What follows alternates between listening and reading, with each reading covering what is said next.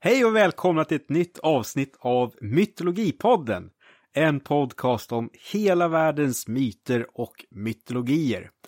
Och jag som pratar nu, det är jag som är Erik och förra korta avsnittet så att jag är ensam och snackar. Men idag är jag inte ensam, utan vem är det som är med mig? Ja, det är jag Li. Jag är här igen. Ja, vad skönt att ha dig tillbaka. Eh, Li har ju då lyssnat på förra avsnittet och eh, det ska vi gå igenom lite tekniska saker sen. Men ni kanske också kommer ihåg att jag var lite förvirrad i slutet av förra avsnittet så det är skönt att du är med och så kan vi hjälpas åt att komma ihåg allting som vi ska ta upp också. Ja, men du fick med det viktigaste ändå. Ja, men vad bra. bra. Ja. Och eh, vi är redo för ett nytt långt avsnitt, eller det vet vi inte än, men det brukar bli långt. Ja, Och eh, vi har förstås ett tema, men idag ska vi lägga upp det här avsnittet lite annorlunda. Så vi väntar med att presentera temat va? ja en liten stund kan vi ja, vänta med det. vänta. Ja. Eh, och, och nu höll jag ju till och med, nu höll jag faktiskt på att glömma det jag skulle säga, det enda jag skulle säga här i början.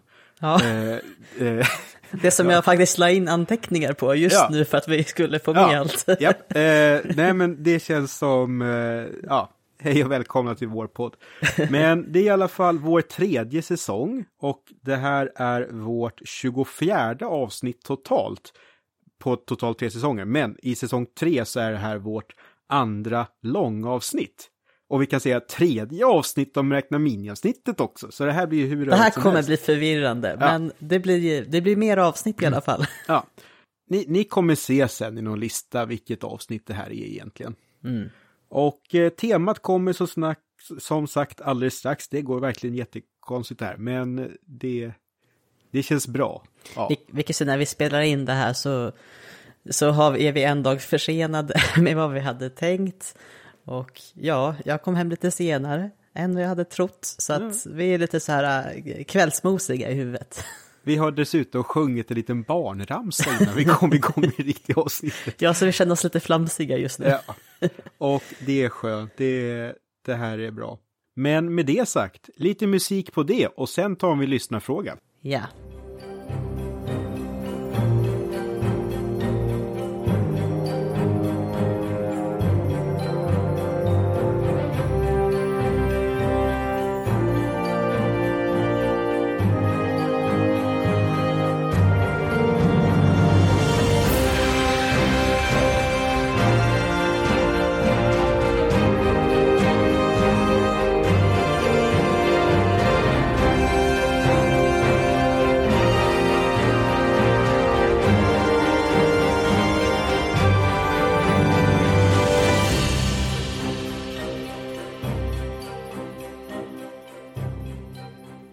nu tänkte vi göra så att vi provar på något nytt, vilket vi inte riktigt har gjort i de här långa avsnitten innan. Det är att vi flyttar vårt mellansnack till början, så att det blir ett försnack istället.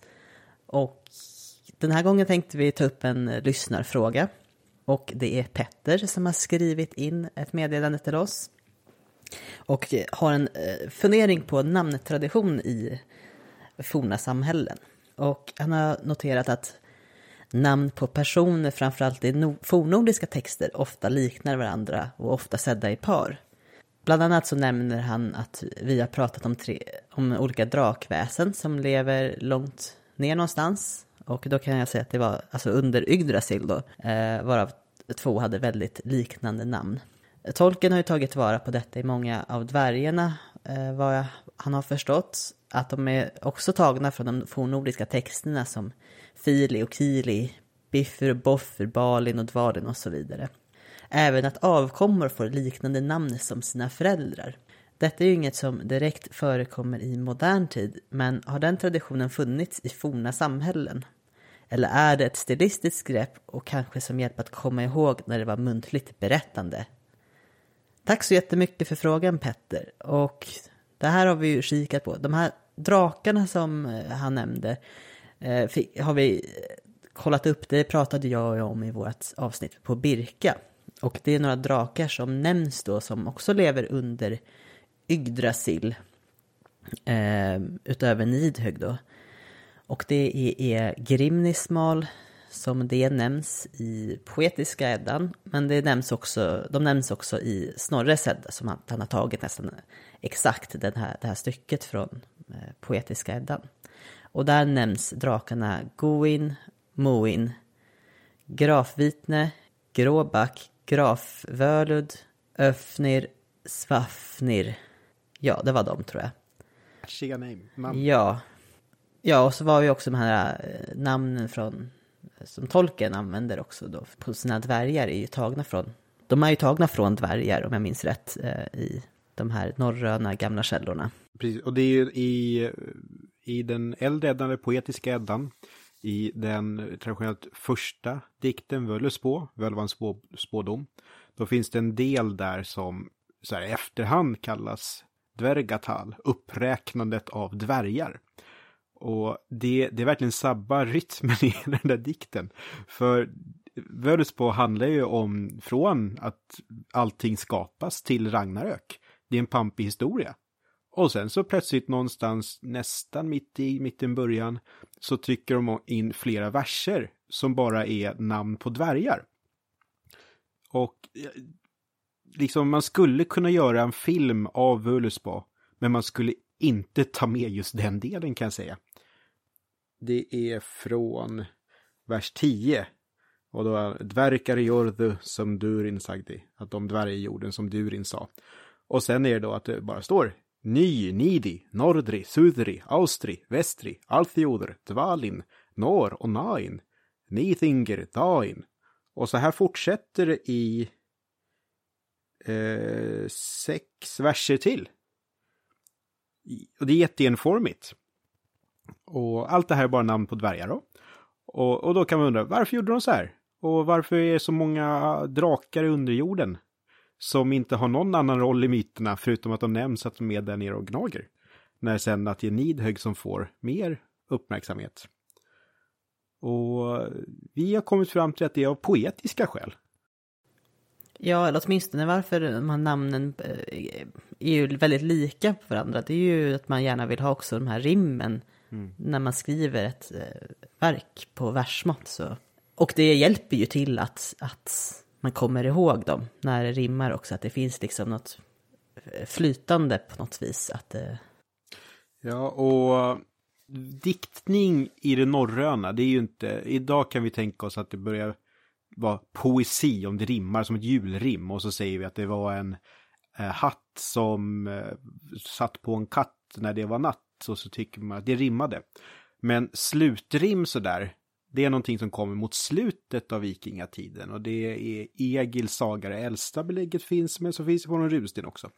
Men annars i norröna diktningen, då vill de att det ska allitterera mycket, att det är ljudrim i början.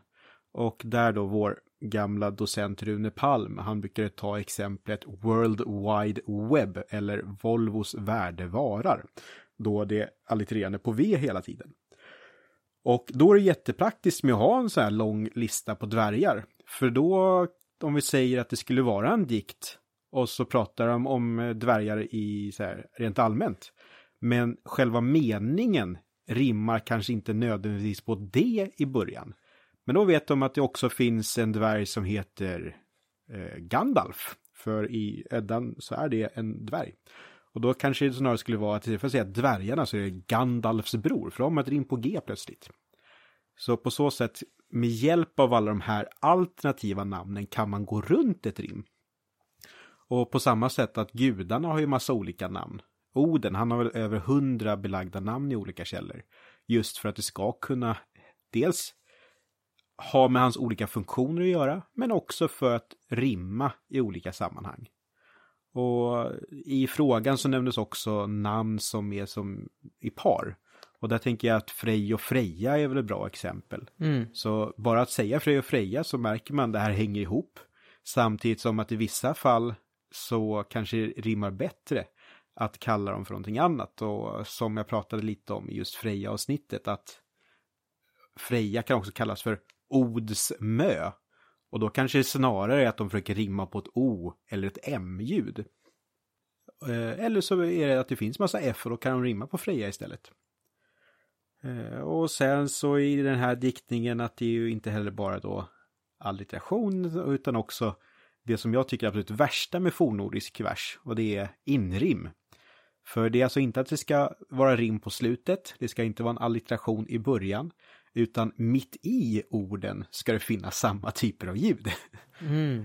Eh, och det betyder att, eh, jag försökte förklara för en kollega, på så sätt Sanna och pannbiff rimmar. För båda finns det an. Just det. Ja, och alltså, det här är förstås inte ett exempel från Eddan, men om jag har förstått inrim rätt så är det så det funkar. Mm. Och återigen då, har man då sju verser med dvärgnamn så finns det ganska många inrim att kunna nå. Och det är också därför som Snorre skriver sin Edda. Han gör det ju för att han är rädd att diktning eller skaldekonsten ska gå förlorad. Mm. Han gör det här som en person som vill bevara kunskapen till en yngre generation. Sen så kanske han inte själv hade räknat med att vi skulle sitta 800 år senare och fortfarande diskutera varför han tog med just det här Wollesbo-citatet. Men eh, han skulle säkert vara lite nöjd, kanske lite mindre nöjd med hur viktigt hans verk om poesi blev för nyhedningar. För han var ju kristen och var nog inte helt sugen på att just bevara den delen av det, men så blev det. Så nu har vi då avverkat de här mer eh, mytologiska aspekterna. Men det ingick ju också lite i frågan om traditionen funnits i forna samhällen. Jag tänker i det verkliga livet. Och det knepiga är ju just då med vad, vad vi har för källor. Men du Erik är ju lite haj på runstenar. Mm. De, hur är det med familjenamngivning och så? Eh, I de fallen, finns, är det blandat? Eller finns, och finns det tydliga exempel på att här eh, finns det liknande namn över gener, en, några generationer? Oh ja. Och det är det som är så praktiskt med det forn... Eh, nu ska... Jag försöker sluta säga fornordiskt, man får säga om man vill, men just jag har hakat upp mig på det här med att eh, finsk är ju inte riktigt nödvändigtvis med just det fornnordiska som så. Men på runstenar, och nu utgår jag från svenska runstenar, då eh, som, om vi tar Torbjörn, det är ju ett namn som finns. Och då rent teoretiskt så finns det då att vi kan se att en familj, att vi säger att pappa heter Torbjörn. Och sen så heter så sönerna Torkettil och Torstein. Och Så att- döttrarna skulle då kunna heta Torgun eller Ja. ja. Torgerd eller Ja, något, precis. Så att de behåller ett steg i det där. Eh, Och även det kan vara eh, Sigbjörn och så blir det Sigfast och det kan vara eh, Frösten och så blir det Fröborg. Det finns flera sätt att då behålla ett steg i det där. Sen så är det en klassiker det här att man säger att barn ska namnges efter någon släkting helt och hållet så att björn är släkt med björn. Men på runstenar tycker jag att det framförallt är det här att man behåller en del av namnet. Och där på den här kända Sigurdristningen, Ram, Ramsundaristningen. Mm. Sigrid gjorde denna bro, Alriks moder, Orms dotter för själen, Holmgers, Sigruds fader, hennes make. Och här är det då att Sigrid är den som har gjort det huvudsakliga monumentet. Men om jag är med rätt här så heter hennes dotter Sigröd. Ja, men jag tror att jag är med här på rätt sätt. Så Sigdelen är med. Men det jag tror är viktigt, som jag inte ser brukar påpekas ofta, det är att hon som gör den här stenen heter eh, Sigrid och på själva runstenskonsten, då är det ju Sigurd eh, Fafnesbane. Jag funderar på om den här släkten ser sig som kopplade till Sigurd på något sätt. Mm. Att eh, då, tänk om de har, he- hennes eh, farmor kanske också heter Sigjärd eller någonting. Så att eh, det har funnits en sån tradition av att de ska heta någonting med sig i början. Sig betyder ju seger och kan kopplas dels till en runa eller ett av Odens namn här för mig. Men just att hon som gör det här imponerade monumentet har med just Sigurd Fafnesbane. För de är i princip garanterat kristna de som gör det här monumentet. Att ha med den här hedniska historien är kanske inte helt klockrent, men det kanske är en viktig del i deras tradition. Ja. Det är kul att vi får med Sigurdsristningen ännu en gång Ja, i ja, ja. här, den här podden. Eh, och eh, det här, nu blev det, det här var faktiskt inte någonting jag hade planerat att ta upp just här, utan nu sitter jag bara och spånar.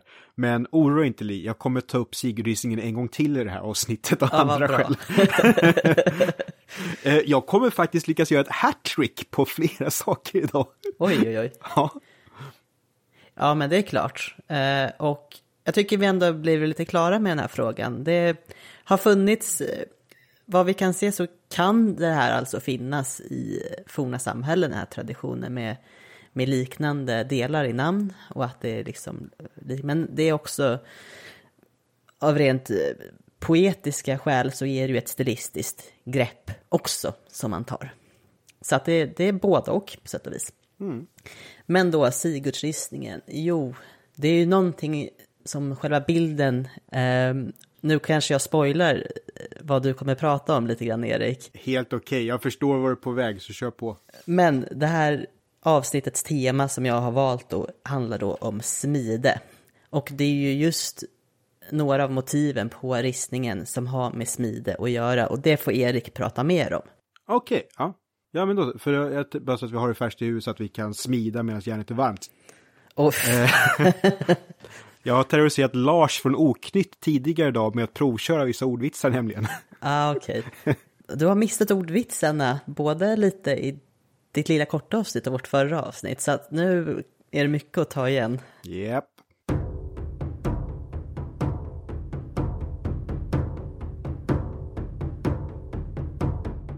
Smide är ju en del i själva liksom metallframställningen. Och ofta tänker man kanske just när man formar järn eller andra metaller till föremål. Men smeder och så arbete, det är ju liksom en ganska lång process. Man, ska, man har sitt råmaterial som man måste bearbeta i ofta i många olika led innan man kan att det är så rent att man kan forma det till föremål. Men vi kan säga så här, metallframställningens historia börjar långt bak i tiden. Ja, men samtidigt som vi har stenålder här uppe i Norden så har man längre ner på kontinenten något som kallas för kopparåldern. Och nu pratar vi cirka 2700 till 1700 före Kristus. Eh, ungefär det som kallas för senneolitikum här uppe. Alltså det är i slutet av stenåldern helt enkelt. Och det är under den här tiden som men de första egentliga städerna och civilisationerna verkligen börjar eh, ta sin form. Och det är kanske just för att man kan leva i de här större samhällena som man har mer utrymme och har framförallt resurser. Man har, kan producera mycket, mycket mat och det gör att man kan, man kan låta folk hålla på med väldigt specialiserade grejer. Och de här rikena som kanske främst man höll på med kopparhantering, vad jag, vad jag har försökt få fram då, är till exempel i Mesopotamien och Grekland, Indien, Egypten och Kina. Eh, och några större samhällen från den här tiden är Çatalhöyük i Turkiet och Knossos och Uruk i Sumer.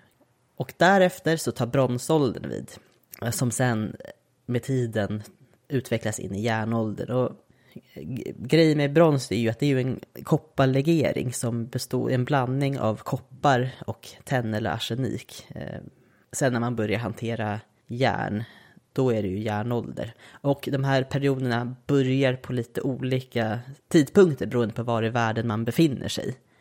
Så järnåldern startar till exempel uppe i Norden lite senare eh, än i andra eh, delar av världen. Grejen med brons då var ju att det som metall är att den blev hårdare och tåligare än när det var bara rent koppar.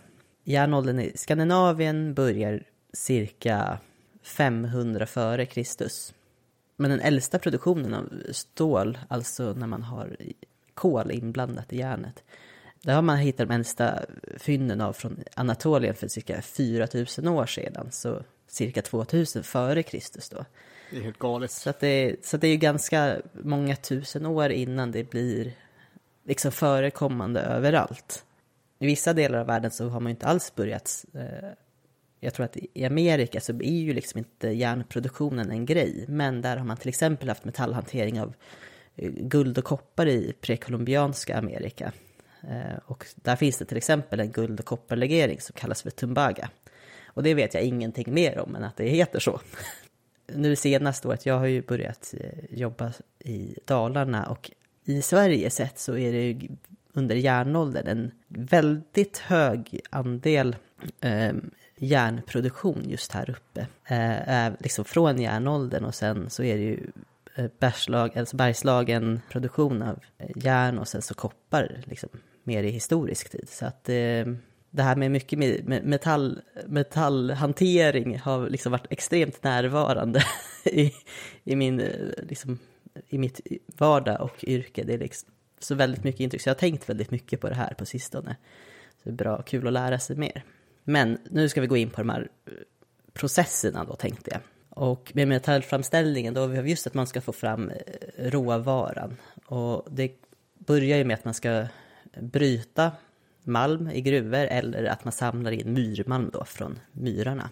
Sen så har man då olika framställningsplatser där man ska rena materialet. Man måste liksom eh, koncentrera de här bitarna i råvaran som ska bli så ren metall som möjligt. Och man då har olika eh, rostar för att börja med att preparera materialet och sen så till exempel med järnet då att man slänger den här malmen i blästor tillsammans med massa kol och hettar upp det för att just det material som man inte vill ha i järnet, det ska liksom smälta, smälta ner från järnet så att järnet, det blir som en klump och sen det restmaterialet som kallas för slagg, det liksom smälter ner i botten av ugnen så försöker man separera det så gott man kan. Eh, och sen när man har, och det här kan ju ske i lite olika omgångar också beroende på vad det är för eh, metall man arbetar med, men sen så ska ju ämnet också formas till det föremål man vill ha.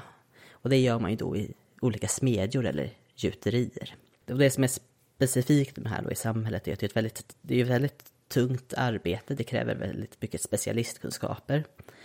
En väldigt viktig förutsättning är att man kan uppnå de här extremt höga temperaturerna som smälter ämnet man ska jobba med. Och de material som man inte alltså vill separera ämnet från. Man behöver särskilda verktyg och redskap. Och också krävs det en viss ingenjörskunskap för man ska ju också bygga de här ugnarna och bälgarna som man värmer ugnen med, eller bälgar och de grejer som man värmer ugnen med. Bälgar är alltså själva luftpumparverktyget som finns. Precis. Och andra konstruktioner som kan krävas. Jag menar, är vi liksom lite längre fram i tiden, i historisk tid, då har man ju olika till exempel vattendrivna hjul och så som ska driva de här bälgarna. Innan var det kanske mer tramp och handblåsning. Eh, men så krävs ju också drivmedel i form av kol. Då måste man ju också omvandla ved till kol. Det är ju ett extremt stort arbete det också, att samla ihop det. Och sen blåsningarna just för att få fram en ganska liten mängd material kan ju, ta ju sin lilla tid det också. Och det är nu vi får liksom försöka komma till, ja men mytologi då, hur ska vi koppla mytologin till de här processerna som vi har i samhället? Här hade det, vad du menar Erik, att vi kanske haft lite samma tankar kring till vad, vad metallhanteringen innebär för eh, samhället rent föreställningsmässigt. Ja, nej men för det som de som går igenom hela den här tekniska processen, att dels är det väldigt svårt för någon som är utomstående att bara sätta sig in i det. Att som du säger, att det behöver att någon har tänkt ut hur ska det här, hur ska jag skapa förutsättningarna för att bearbeta den här metallen? Hur ska jag hitta den här metallen? Och sen att just nu har jag själva förutsättningarna, jag kanske kan göra en eld som är jättevarm, jag har rätt typ av lera för att kunna hantera just en smält brons eller jag kan ha rätt verktyg för att kunna hamra på en bit järn. Att alla de här stegen är ju oerhört komplicerade och det är inte någonting som går att lära sig på en kvart genom att gissa lite, utan det här är ju en livstid av lärande i princip, får vi tänka mm. Mm. i historien. Och visst att det är så lätt nu att tänka sig att det bara är en, bara och bara förstå mig rätt, det är det här med ett, ett järnredskap, att eh, en spik, det är också oerhört kunskapskrävande. Men sen också all den här typen av smyckessmiden. Tänk att stå där på vändeltiden någon annan gång på järnåldern. Och så ser du någon som har på sig ett guldsmycke med små millimeterstora figurer fastsatta. Och allt det är gjort i brons och guld och silver. Och det, det går knappt att förstå hur någon har kunnat göra det här. Och då att någon har kommit på, jo men om jag gör ett original i bivax som jag sen kapslar in i lera och lämnar ett litet hål så när jag bränner leran så smälter vaxet ut och sen häller jag i en smält metall där. Mm. Och sen slår jag sönder leran så kan jag börja göra en version av det här. Då får jag det här äh, jättefina smycket. Och det kanske är att det till och med blir fel på den gjutningen, då är det bara att börja om igen. Mm. Om man inte förstår alla stegen i det här, då det är klart att det framstår som magiskt. Mm. Och jag, det kommer jag prata lite om just med det norröna sen, att alla gånger som en smed nämns, det är inte någon som är en del av gruppen, det är alltid någon som är utomstående. Att det är så, det är så magiskt. Ja. ja. Och det är också det här, eh, det här minns jag att, att när vi gick grundkursen i arkeologi, just att anledningen till att det också finns något magiskt i det, eller att det är väldigt viktigt, eh, är ju också ett materials förvandling från en form till en annan. Mm. Och eh, att det räcker inte heller med ett råmaterial, utan som du säger att då med hur bronshantverket växer fram. Att då kanske är någon som legat i buskarna i ett år och klurat ut, jo men okej, grannbyn, de tillverkar redskap på det här sättet. Och de har gul metall som kommer ur någon grön sten. De, jag vet inte om de kallar det för koppar än. Och på något sätt så får de fram metallen och sen om de då skulle lyckas klura ut hur man får ur kopparn ur stenen. Mm. Och så gör de det där. Och så lyckas de ju då göra en kopparyxa. Men grannarna, de kanske lyckas lägga i tenn. Att hur kom de på? Jag tar det här metallen som vi nyss har upptäckt och blandar med den här metallen som är jättesvår att få tag på. Den finns i England typ. Mm. Och blandar jag dem, då är min yxa mycket bättre. Mm. Och sen då när de börjar närma sig, eller börjar göra stål, att eh, vissa vikingatida svärd, framförallt de här Ulfbert-svärden som man säger, att det, det börjar närma sig stålproduktion. För att de har lyckats då få in kol i själva järnet. Men också då de som hört, jaha, vår yxan eller svärd blir bättre om jag är i kol. Men har de i för mycket kol, då kommer det istället bli alldeles för hårt att det istället spricker vid första hugget. Ja. Att det är sådana, det är en hel vetenskap i det här. Ja, och just också att man använder olika kvaliteten av järn i olika delar av sig en kniv. För att Just. den delen av kniven, den behöver vara lite mjukare medan den där ska vara liksom stabilare. Så att just den kunskapen att kunna också inte bara få fram något som duger utan det ska mm. vara så väldigt specifikt praktiskt också. Ja.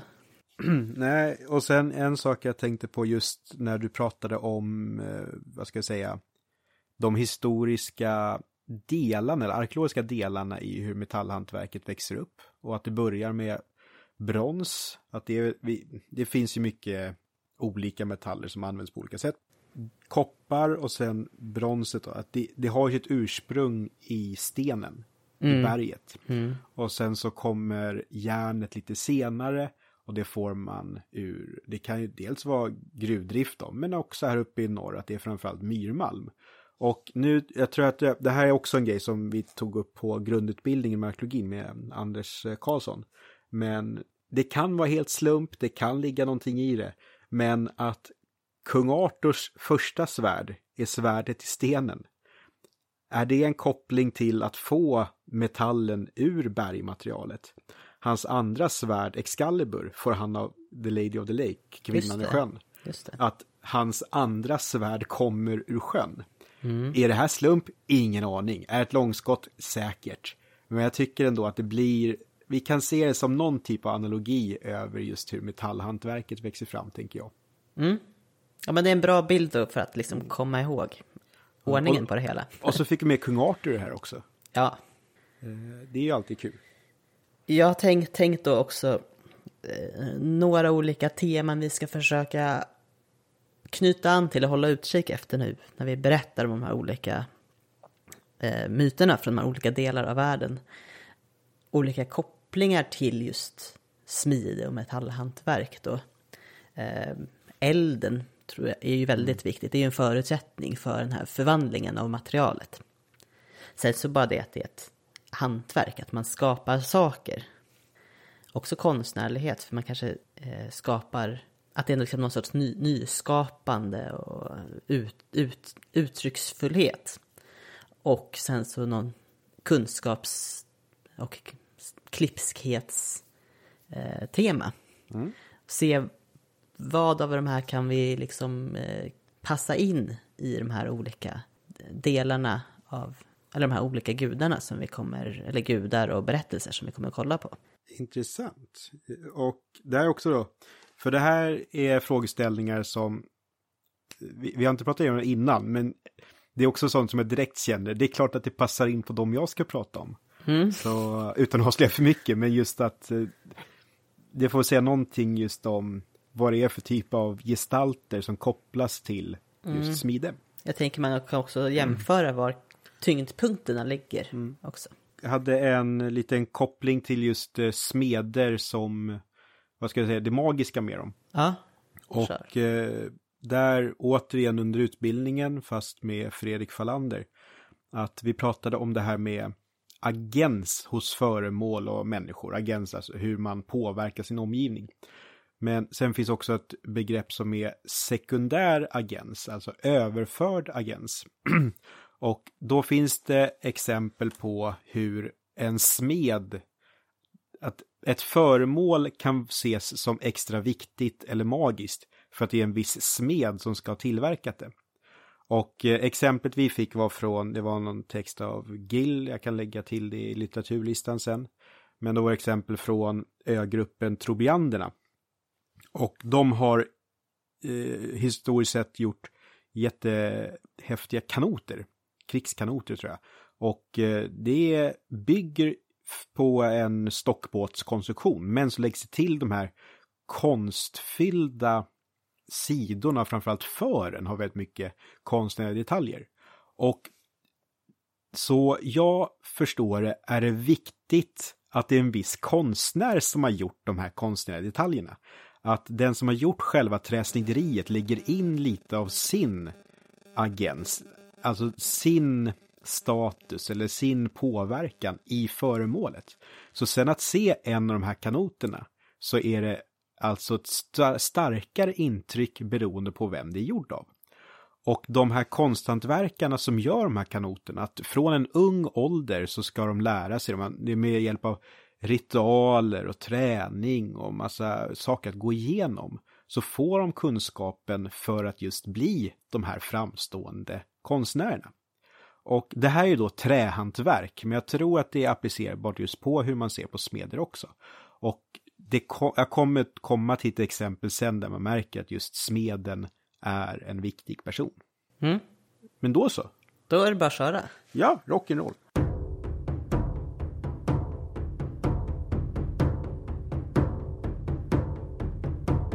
Och vad, vart tar vi vägen, Erik? Ja, eh, de som har haft koll på Instagram-händelserna vet att det här reddes ut i en chatt för ett tag sedan då Li blev oerhört förvånad över vad jag ville prata om. Eh, vi ska hela vägen till Skandinavien. Nej, men så jag ska då prata om det norröna materialet och vad det är för smeder vi har där. Och då har vi redan varit inne och touchat lite på Sigurdristningen. Ja, ska vi dra av den på en gång? Ja, men jag tänker att, och nu kommer vi då lägga fokus inte på vilka det som har gjort själva ristningen utan motivet. Eh, och Sigurdristningen, det är en runhäll i Sörmland. Och jag har varit och tittat på den, men den natten snöade det så jag kunde inte se den. Eh, jag lyckades skrapa fram ungefär tre decimeter av den. Men den är väl så här, vad är den? Fyra meter bred eller någonting, tre meter bred. Och, ja, något sånt. Och eh, de flesta runinskrifter har ju någon typ av orm och så står en text igen. Men Ramsundaristningen och några fler har motiv från berättelsen om Sigurd Fafnesbane. Och Sigurd, han är då från en fin släkt, men han kommer sedan få uppfostras av en person som heter Regin. Och Regin är en, jag tror han beskrivs som en dvärg. Och han har haft lite besvär med gudarna tidigare för gudarna, Loke, Oden och eh, vem är Lodur eller ja, någon tredje gud. De är ute och går och eh, Loke kastar en sten på en utter och dödar den och är jätteglad. Sen så kommer det fram att den här uttern är egentligen en dvärg som heter Utter och är förvandlad till en utter. Och eh, Utterns familj tycker att nu måste ni betala guld för att sona för ett brott. Och Loke måste snabbt hitta guld. Han fångar en annan dvärg som heter Andvare. Och eh, säger nu måste jag ta allt ditt guld. Och Andvare går mot, alltså motvilligt så ger han bort guldet och försöker behålla en ring lite gömd. Men Loke säger jag måste ha den där ringen också. Men då uttalas en förbannelse över ringen. Och eh, den som äger ringen kommer, det kommer gå dåligt för den. Vi är långt ifrån smeden, vi kommer komma till smeden om ett tag. Eh, och då är överenskommelsen med Utters familj att de ska täcka utterskinnet med guld. Och då lägger de ut Andvars allt guld där. Och Loke försöker gömma undan den här ringen, Andvarnaut, Andvares njutning eller vad vi ska översätta det till. Men lite, jag tror att det är några morrhår som sticker fram från uttern. Och Utters pappa säger nej, nej, nej, ni måste täcka det där också, så läggs ringen dit. Men när ringen då hamnar i den här familjens ägo, då drabbas eh, storebror Fafner av eh, guldfeber kan vi kalla det. Alltså yeah. samma, hur är det Tolkien beskriver Smaugs och de dvärgarna som blir guldtokiga. Det är ju liksom en sorts girighet helt enkelt. Och eh, jag tror han dödar sin pappa, brorsan Regin får fly och Fafner han förvandlar sig till ett odjur, något ormliknande eller drakliknande odjur. Och Regin går mer eller mindre i exil och försörjer sig som smed. Och eh, som smed så ska han sedan uppfostra pojken Sigurd.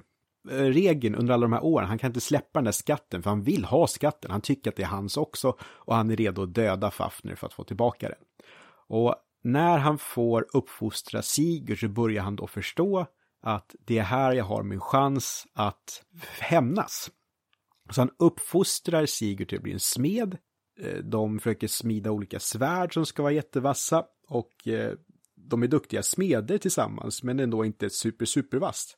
Men sen är det så att i Sigurds familj så finns det ett förstört svärd. För han kommer egentligen från en lång kungasläkt som har sitt ursprung i Oden. Och eh, Oden har gett familjen ett svärd och sen så gick det sönder på ett slagfält och så är de här eh, spillrorna kvar. När de då lyckas smida ihop de här svärdsbitarna så är det ett jättevast svärd och det är så vast så när man håller svärdet i en liten bäck och så är det en fjäder som kommer flytande mot svärdet. Då är svärdet så vast så att av det här lilla, lilla trycket så kan ändå en fjäder klyvas. Så, så det är ju oerhört vast. Och det får då säga att Regin är en väldigt duktig smed. Sen så ska de då döda Fafner. Fafner har ju en grotta, varje morgon ska han dricka vatten i en sjö, så det har blivit ett dike där han krälar varje morgon.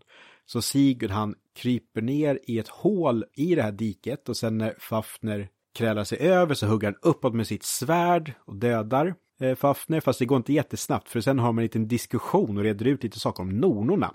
Återigen, jättekonstigt grepp som lite grann sabbar rytmen, men vi får lite kunskap av det. Men de skär ut hjärtat på Fafner och Regin, han vill äta det här hjärtat.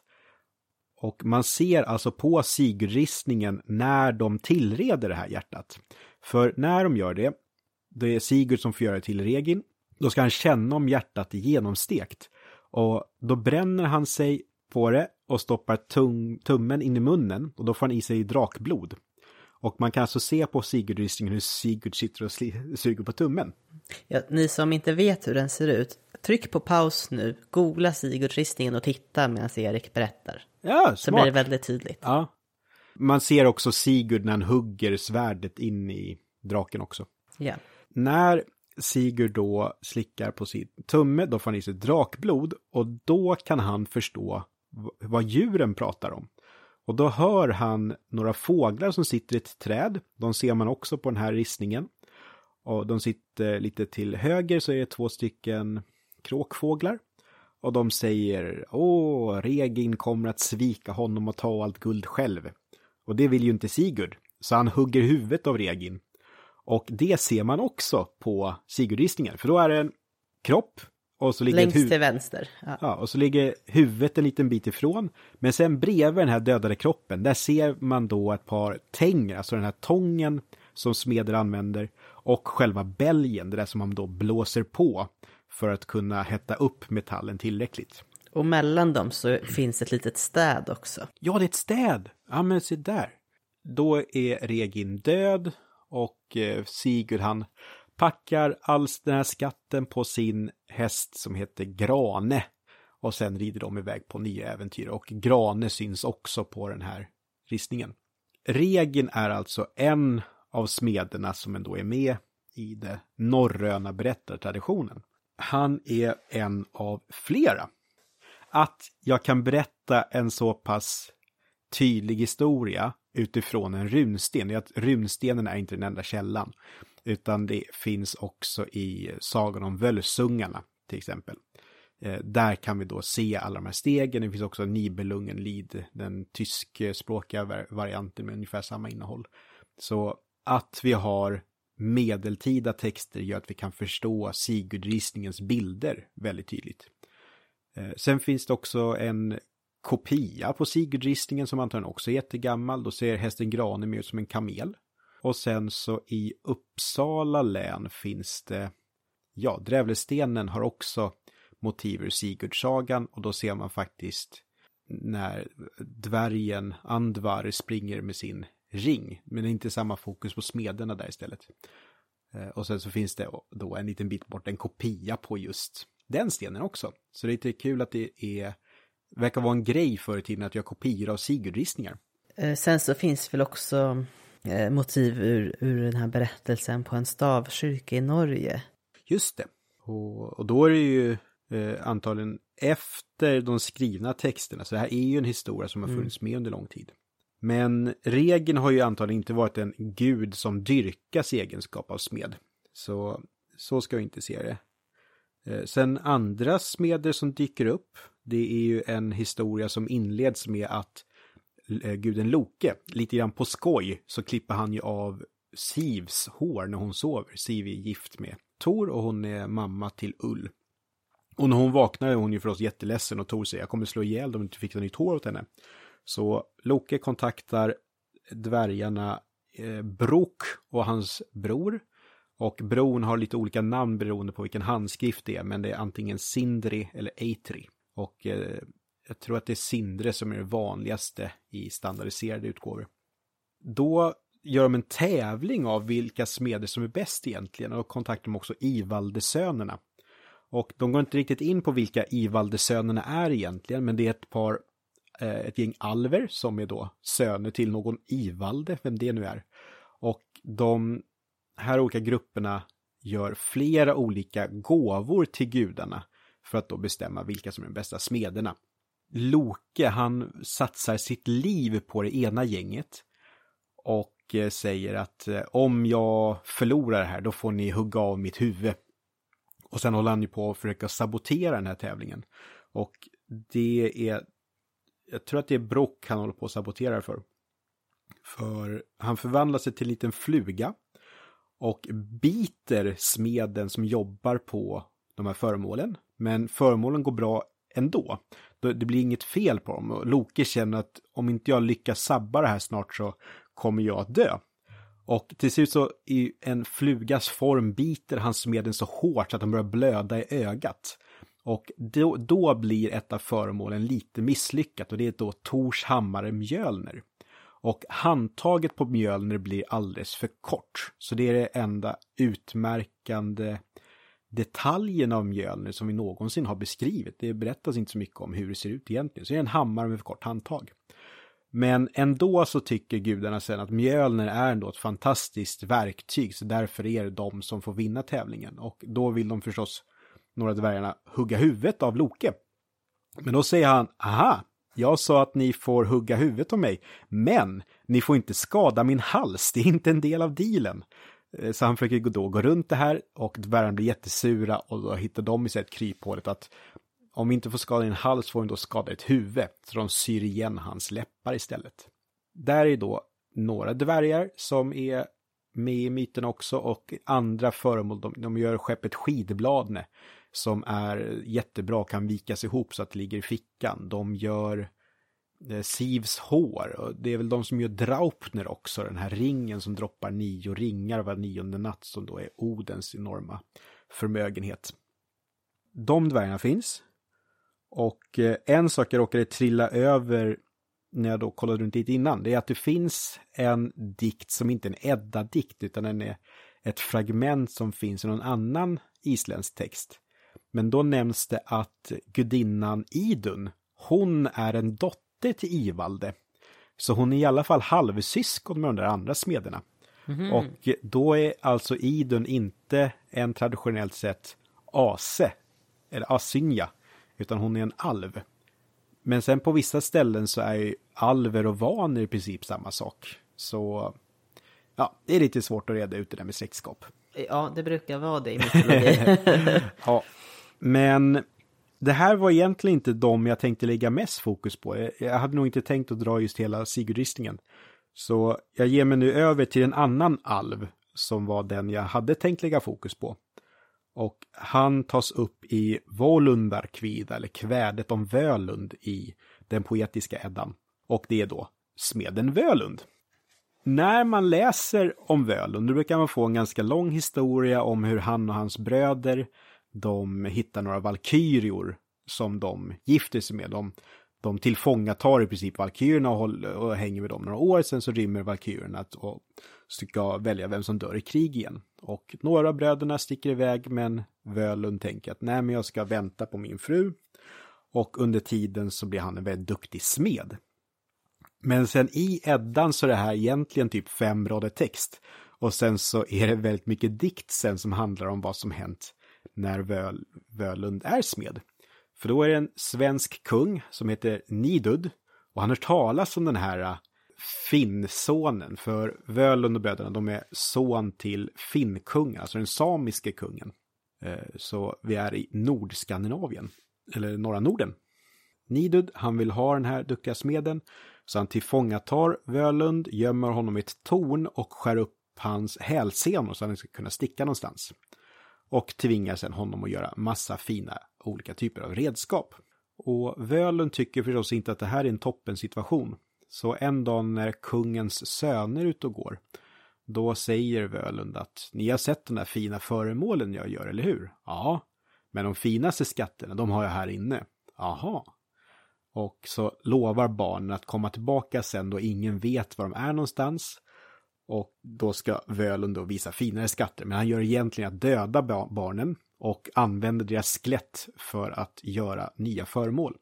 Och till exempel så gör han dryckesbägare av deras kranier. Och han sätter massa diamanter på dem så att de är jättefina. Och sen i samma veva tror jag också att han begår övergrepp mot kungens dotter också. Så det är liksom här kommer igång en hel serie av händelser som kommer att leda till slutet i sagan som det ju gärna är.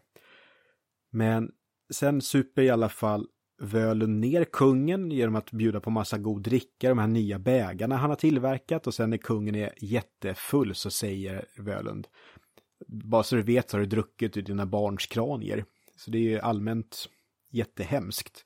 Och han berättar också att din dotter är gravid med min son. Sen har Völund i hemlighet skapat en vingdräkt så han kan flyga från det här fångenskapen. Och till skillnad från Ikaros eller andra flygande personer så kommer faktiskt han iväg och syns aldrig igen.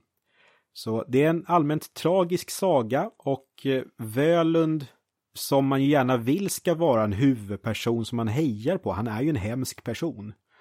Och lite grann på samma sätt som Regin, att Regin borde väl vara en Obi-Wan Kenobi-karaktär, men det blir istället en... Han är också en hemsk person. Ja. Så de här alverna har kanske inte jättebra rykte.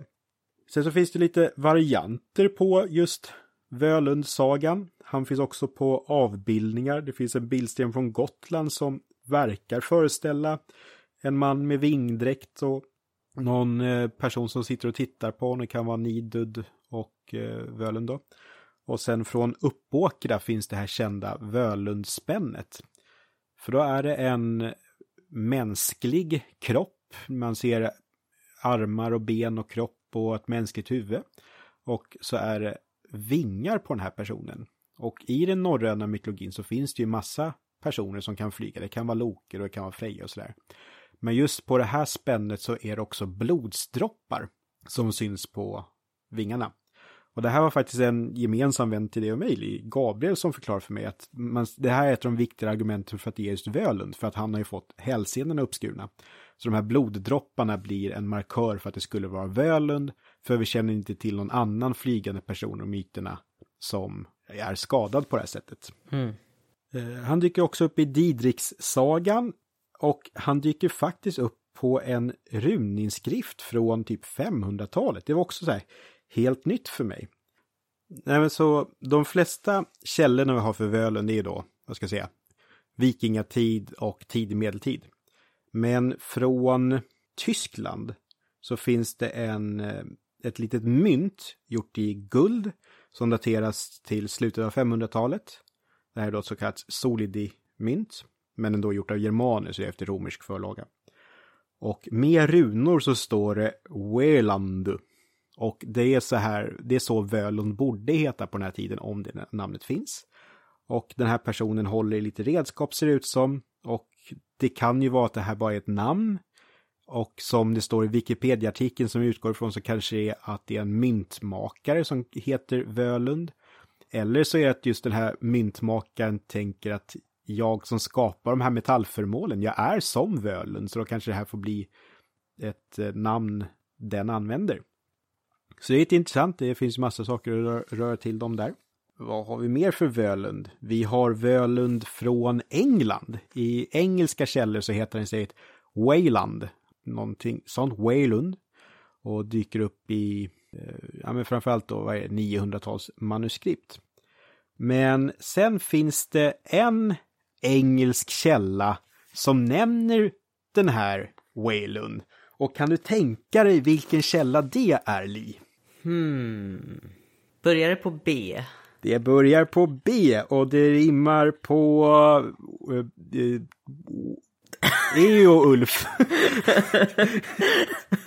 uh, så då, då har vi med honom här. Jag tänkte bara hitta fram här i min B och Ulf-utgåva. Vad det som står?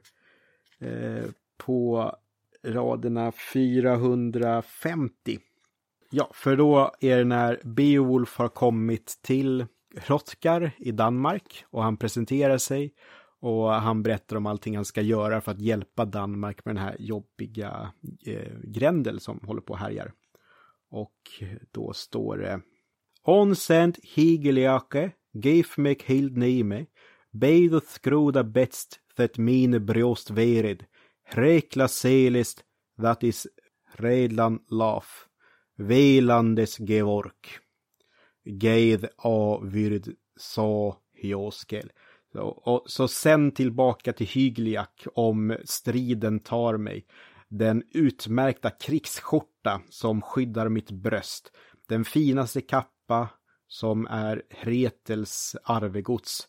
Velend gjorde den, åt ötet går det om det måste. Så Beowulf säger att hans ringbrynja är gjord av Völund själv.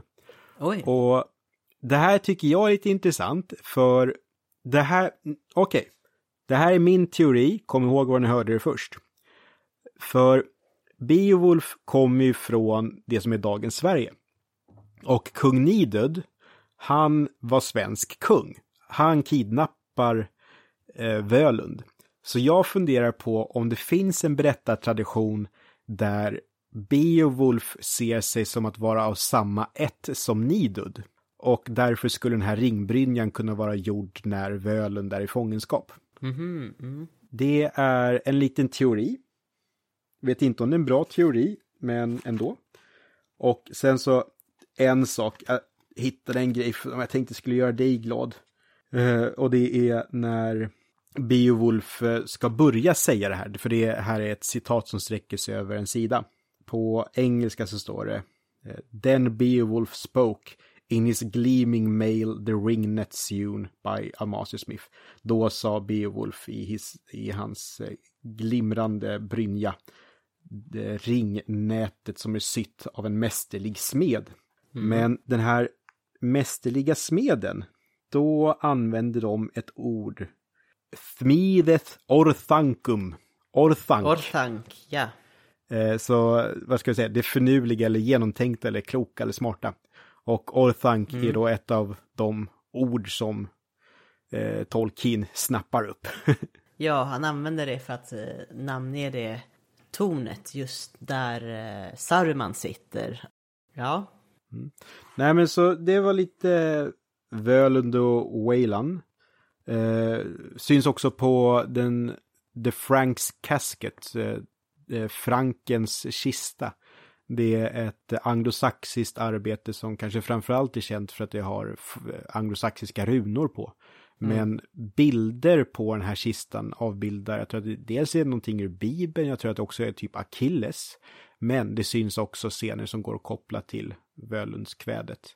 Mm. Så med alla de olika källor vi har som nämner Völund eller Wayland så har vi i princip hela Nordeuropa från 500-talet och framåt. Det är en väldigt påta, alltså det är en berättartradition som hålls vid liv mm. under lång tid. Ja, jag funderar också bara, för när du nämnde engelska Wayland-namnet mm. Eh, så, så drogs mina tankar direkt till Alien-franchiset. Mm. Där det här teknologiska megaföretaget då som... Okay. De det är ju i alla fall The Wayland Corporation som sen blev Wayland Yutani. Men jag undrar om det inte, det måste ju vara från Völund då som de har. Ja, jag vågar ju knappt ha ögonen upp när jag kollar på den här filmen så jag kan missa sådana detaljer.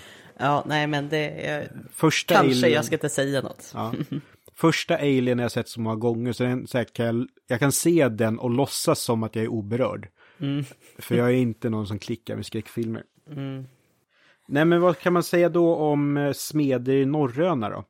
Som sagt, att de är inte en del av det, när, det som är nära. De kommer utifrån, de är inte människor, de är någonting annat och det är... Jag har alltid tänkt att alla smeder är dvärgar, men här kallas de för alver. Och eh, Jackson Crawford, han gör en grej att vi faktiskt inte kan veta så mycket om alver, så att de kallas för det mest komplicerade saken. Men finns det inte där också något, alltså ibland så är, liksom, finns, är det likhetstecken mellan svartalver och dvärgar också? Ja. Och, Till exempel. Och då kan man knyta det till det vi pratade om tidigare, kommer jag på nu. Det här med poesi. Mm. Att det kanske är bättre i texten att kalla dem för alver än för dvärgar. Kanske. Ja. Och sen då bara på det här sidospåret att dvärgar är inte nödvändigtvis små i den här litteraturen. Utan där, jag tror att det finns dvärgar som beskrivs att de är större än människor eller lika långa som människor. Och eh, Jackson Crawford har en grej då han pratar om att första gången en dvärg nämns som kort, eller det är en människa som är lite under medellängd får jag tänka, beskrivs som dvärglik. Men alltså det är inte någon som är, har jättelångt skägg och är, vad ska jag säga, mittemellan hobbit och människa i längd, utan det är någon som är snäppet kortare än en vanlig människa. Så det är en ganska sen grej om man jämför med det urtida, att dvärgar är pyttesmå. Vilket gör att när vi då ser nationalromantiska bilder och senare bilder då dvärgar är jättesmå så är det inte så forntidens människor tänktes dvärgarna. Mm. Det, det är lite som att se alver avbildas i det fornnordiska med spetsiga öron. Det finns inte heller någonting som. Mm. Eh, på temat, eh, du kallade det för ett tag sedan, när jag hakade upp mig på sånt här, för mythbusting. Det mm. tog inte för lång tid för mig att den poletten skulle trilla ner, men det är ju exakt det som jag ju faktiskt kan fastna för. Tack Erik. Nej, ja, tack själv. Jag, som alltid, jag hoppas det fanns en röd tråd i det här. Det var, mycket, det var många olika smeder i alla fall, mycket ja. koppling dit. Ja, jag kände, åh, åh, om ni bara kunde se vad som pågick i mitt huvud när jag berättade allt det här. Eh, jag vet inte, Liv får ju då stå ut med att se mig sitta här i webbkameran och jag har ju då tittat in i väggen i nu 40 Ja. minuter tror jag. Faktiskt. Eh, men det är just, eh, jag ser det framför mig på något sätt. Och det är också som förut, jag har ju inte en bild av Sigurdristningen framför mig, jag kan se den i alla fall. Och sen alltså då på tal om nordiska smeder. Jag pratade ju lite om eh, smeden Ilmarinen. Gick från. Kalevala i vårt avsnitt om Kalevala. Så hoppa gärna tillbaks till det avsnittet och eh, påminn er om den smeden. Jag snackade med en smed för ett tag sedan, jag brukar springa på honom på marknader. Och vi skojade lite om hur smeder brukar vara byggda på film och tv. Tänk eh, Conan Barbarens farsa i liksom gamla Conan-filmen. Eh, för Conan Barbarens pappa är ju faktiskt smed. Haha! Och det är därför jag har den fantastiska låten The Anvil of Crom som jag tycker är en fantastisk filmlåt. Ja, ja. Eh, men de är ofta stora och kalliga. Men en faktisk smed har ju väldigt tåliga muskler som kanske inte nödvändigtvis ser jättebiffiga ut. Men de kan ju hålla på och slå på metall i evigheter. Så det är en oerhörd styrka som finns i de där människorna. Mm. Vet du hur en smed vilar? Nej, De slaggar. Nu börjar det. Jag har en lista. ja, det var det jag ville ha sagt. Eh, ska jag börja med mitt kanske? Ja. Är det dags för det?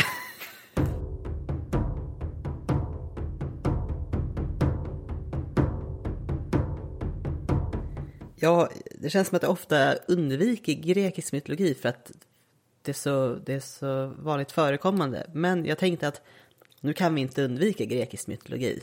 Eh, vi ska prata om faktiskt två gudar. Hephaistos och Athena. Och vad kopplingarna där är exakt, det visar sig. Hephaistos är väl den som kommer få huvudfokus här. Eh, en av de tolv olympiska gudarna. Han var ju då gud över smide, hantverk, eld och industri. Och han var den där eh, himmelska smeden och gjorde vapen åt gudar. Och han gjorde även liksom rustningar och andra vapen åt hjältar. Till exempel så gjorde han en sköld åt Achilles då och eh, han gjorde också ett, svärd som Perseus använde. Han har ofta så här positiva epitet kopplade till sig och hans förmåga som hantverkare. I, I vissa myter då så, eller berättelser om honom, så kontrollerar han vulkaner och egentligen att vulkanerna då ses som hans smedjor. Det är ju väldigt mycket värme och smältande mineraler då, så att det är ju inte så himla märkligt.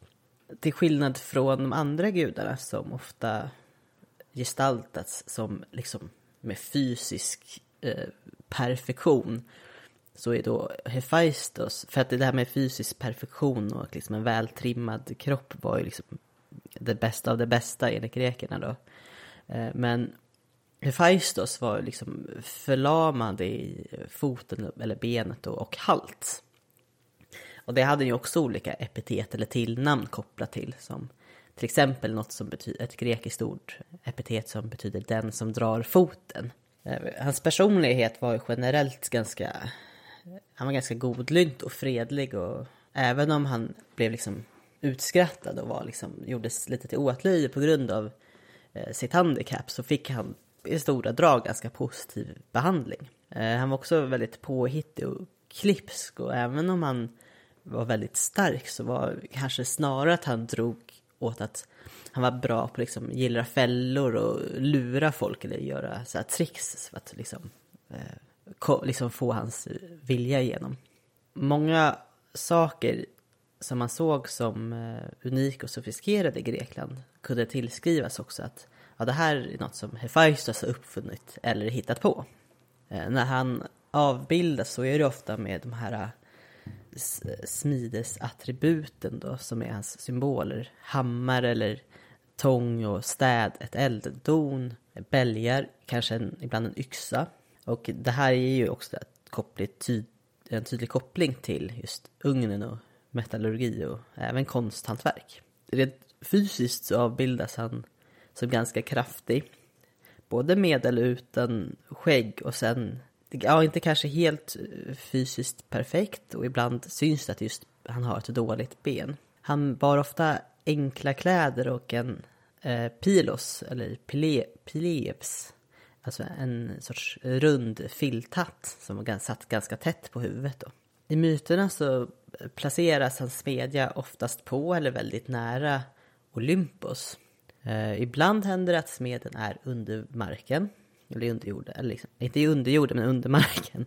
Eh, i, gärna i områden med vulkanisk koppling. Ibland, som jag sa, är vulkanerna själva smedjan. På ön Lemnos, där menade man ju att hans smedja brukade finnas på den ön då. Lite speciellt också, i smedjan så hade Hephaistos cykloper som sina medhjälpare.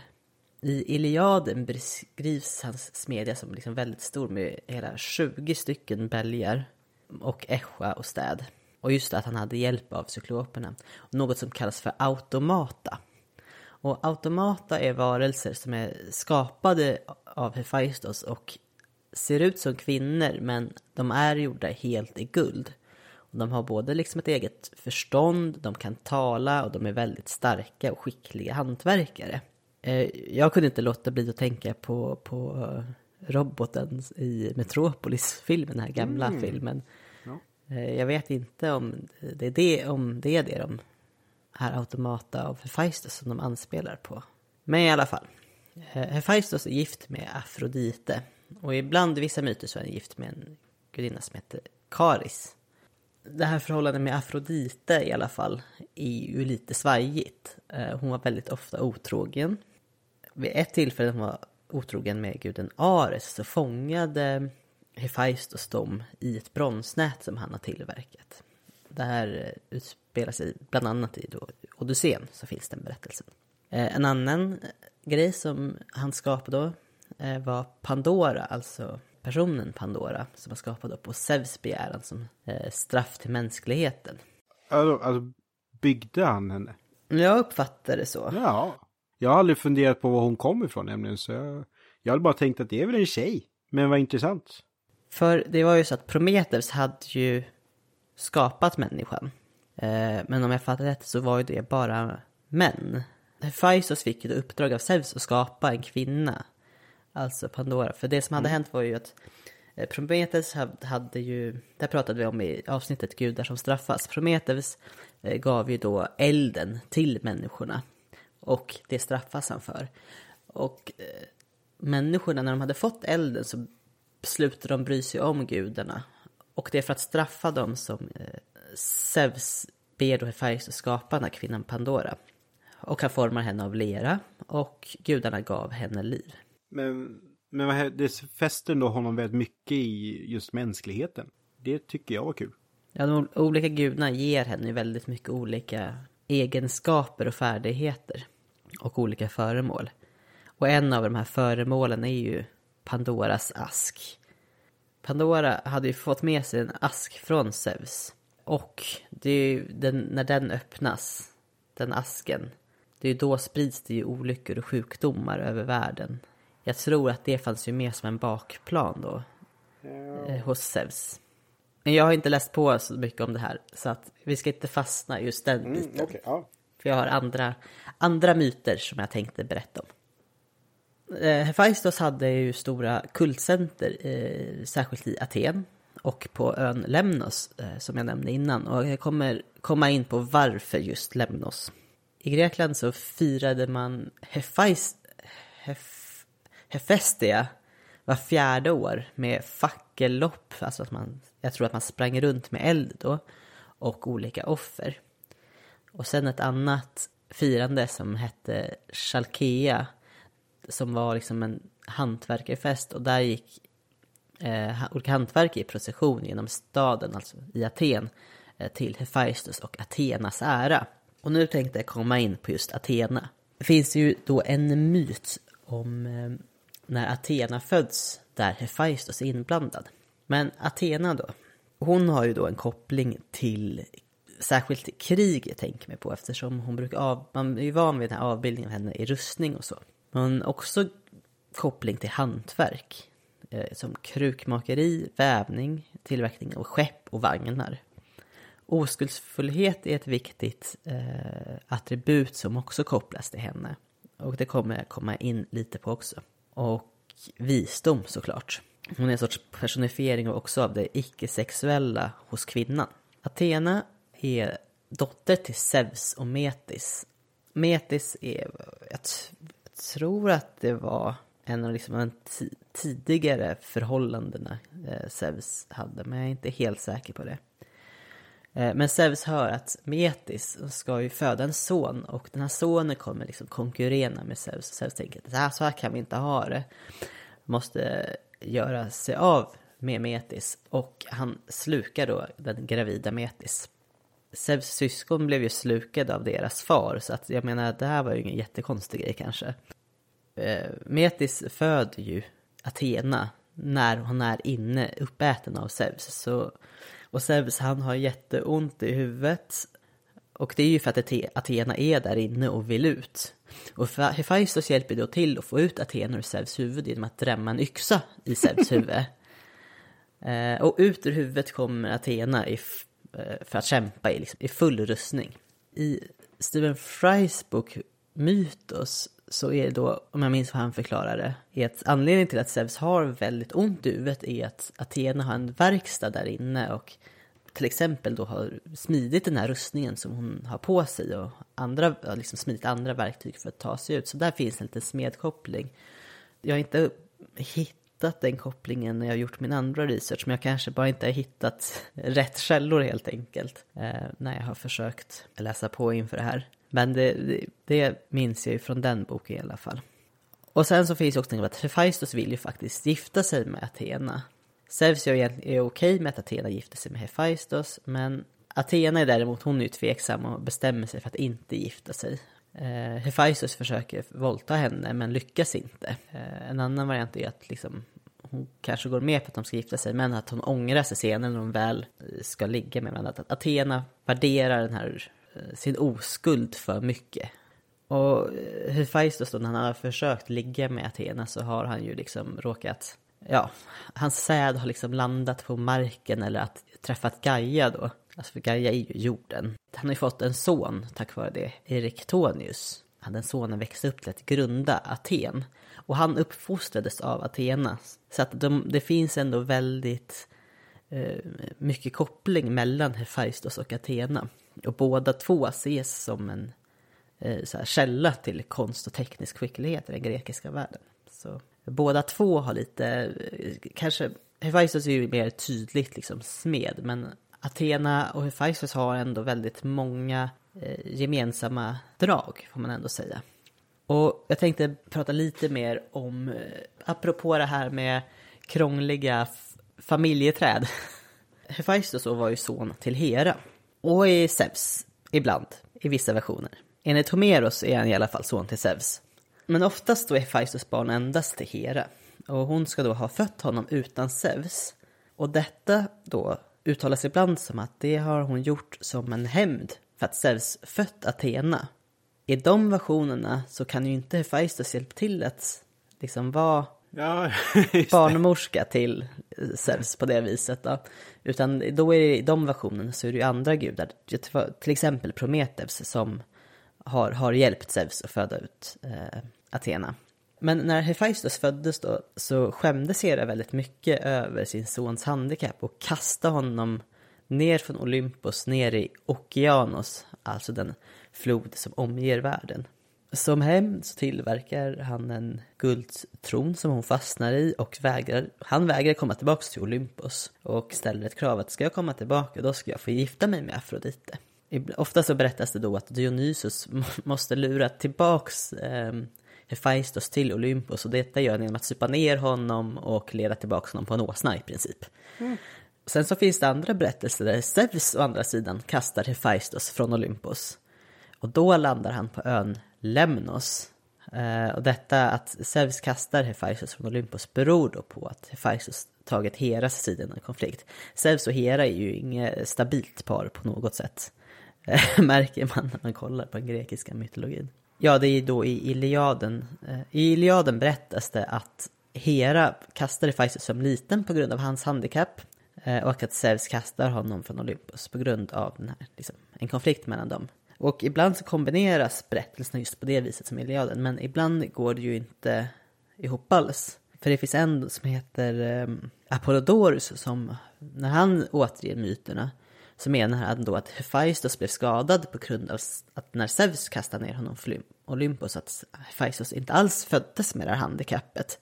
Och då kan ju inte Hera kastat ner honom innan, till exempel, eh, för att hon skämdes över hans handikapp. Så att det, det finns mycket varianter på hur det egentligen ligger till när han fick, när han blev halt och ibland att han kanske bara kastats av sin egen, antingen Zeus eller av Hera ner från Olympus. Men det verkar som att han ska kastas från Olympus någon gång och att han ändå trots allt ska vara halt. Det här är som att hålla isär alla olika superhjälte-franchise. Ja, det är olika tidslinjer och ja. varianter, absolut. Är det Nolans Batman eller är den från 90-talet eller? Ja, ja men precis. Så, då har vi fått en liten eh, insyn i en av de grekiska gudarna, Hephaistos.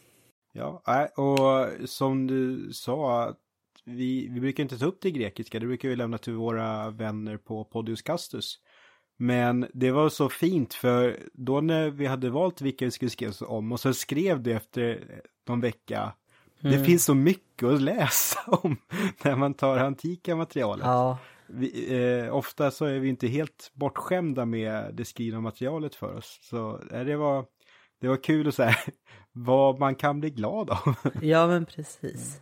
Eh, och sen blev jag glad över att få höra om Athena. Hon är också en sån där som, ja men jag, jag gillar Athena.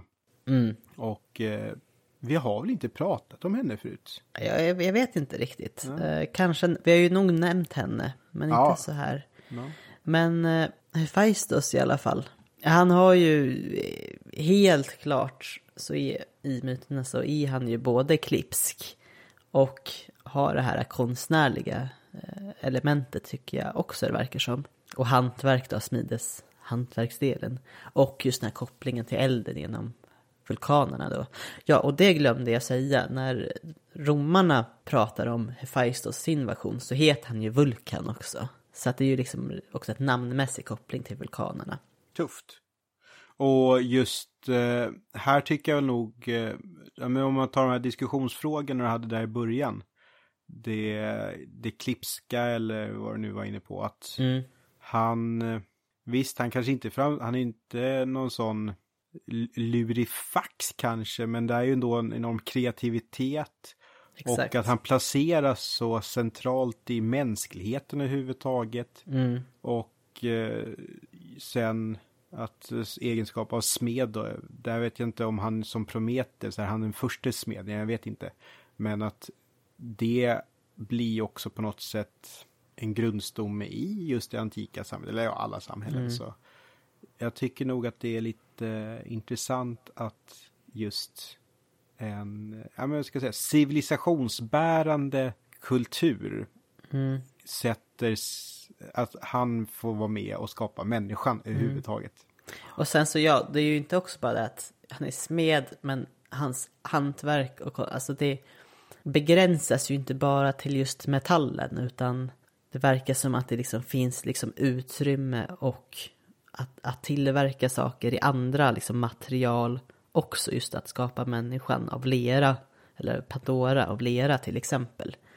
Att, att det här eh, smed eller han, att det liksom blir något bredare på något vis. Som Athena här då som, eh, som också kopplas till hantverk men kanske andra material här också. Men det är flera olika sorter. Att det är liksom inte bara de här kanske mer eh, kvinnliga hantverken, krukmakeri och vävning. Men det är också skepp och vagnar som är väldigt så här rent ingenjörsmässigt eh, avancerade. Som det är väldigt olika hantverk som. Eh, och jag tror att det är samma sak med Hephaistos, att det kanske inte, det begränsas inte bara till metaller. Och nu är jag jättenyfiken på vad du har valt Erik, för du stod och valde mellan två sist jag frågade. Ja. Nej, nej men eh, det, och jag har gjort ett val, det, det kan ja. du vara nöjd med. Ja, vad bra. men jag tänkte bara en sista sak med eh, Hephaistos. Ja, Mm. Vet du hur han dricker? Hur han dricker? Han bälgar i sig.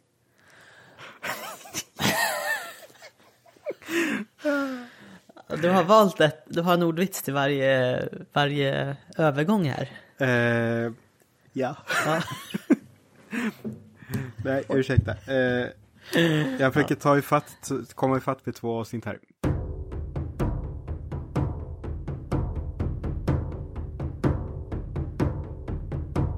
Nej, men som sagt, jag höll ju på att vela lite. Och eh, det gör vi ju ganska ofta. Det finns verkligen jättemånga gudar som kopplas till smeder. Och det är kanske inte helt förvånande bara med det som vi har kommit in på hittills, att just det här med skapandet. Sen så upptäckte vi också ganska snart att även om vi tar upp en lista över smeder i mytologi så betyder det inte nödvändigtvis att de var smeder. Utan att de dyrkas av smeder, men vi hittade inga historier där de faktiskt var smeder. Så det var lite rörigt, men det finns verkligen jättemånga. Och sen så vill jag också bara att eh, nu tog du faktiskt upp Athena. Det tyckte jag var kul också i egenskap att en kvinna i den rollen. För annars är det mycket snubbar de här smedmyterna. Men från keltiskt håll, vad heter hon? Eh, Bridget. Hon ses också som en smed, eh, smidekopplad gudinna. Så det är inte bara snubbar. Men med det sagt så har jag valt en snubbe. Okej. eh, utan jag vill bara få med lite grann tippa balansen. Nu, nu ska vi till eh, Nigeria och Yoruba-folket.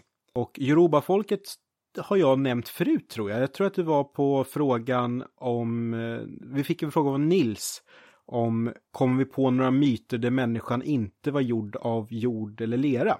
Och det var ju kul då nu när den nämnde att Pandora var gjord av lera, för då kommer jag att tänka på det här också. Jag tror att det var i samband med det som jag pratade om totem och ursprungsdjur. Och jag har för mig att det var Yoruba-folket som just hade att olika släkter såg sig som släkt med olika typer av djur. Inte helt hundra på om det var det, men jag tror jag pratade om Yoruba-folket förut i alla fall. Och eh, de är eh, historiskt sett eh, i eh, sydvästra Nigeria.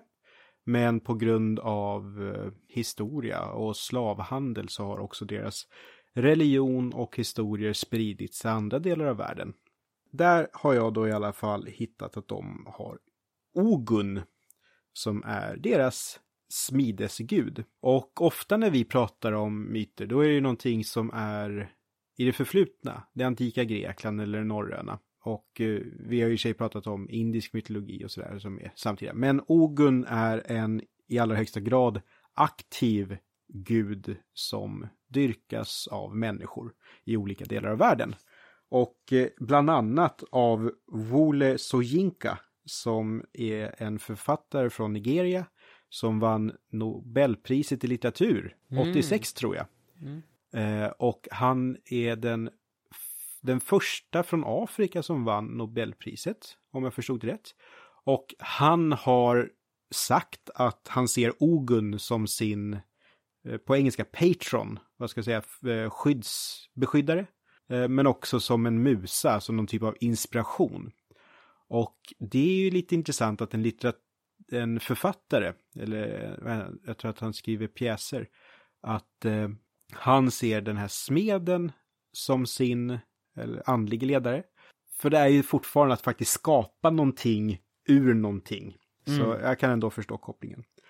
Jag har haft lite svårt att just hitta myter om Ogun. Men jag tänkte jag tar den historia jag hittat på flest ställen och sen så pratar jag lite runt om efteråt. I Yoruba-folkets mytologi så är själva ursprungsmyten att det finns en övergud som skickar, jag tror det är tolv stycken andra gudar till jorden. Och eh, när de här första gudarna kommer till jorden, då är det så oerhört mycket, det, det är helt igenväxt, så de kommer ingenstans. Men då är det då den här Ogun, och han får tag på en bit järn. Av det här järnet så gör han en kniv, i engelska texter kallar de för machete.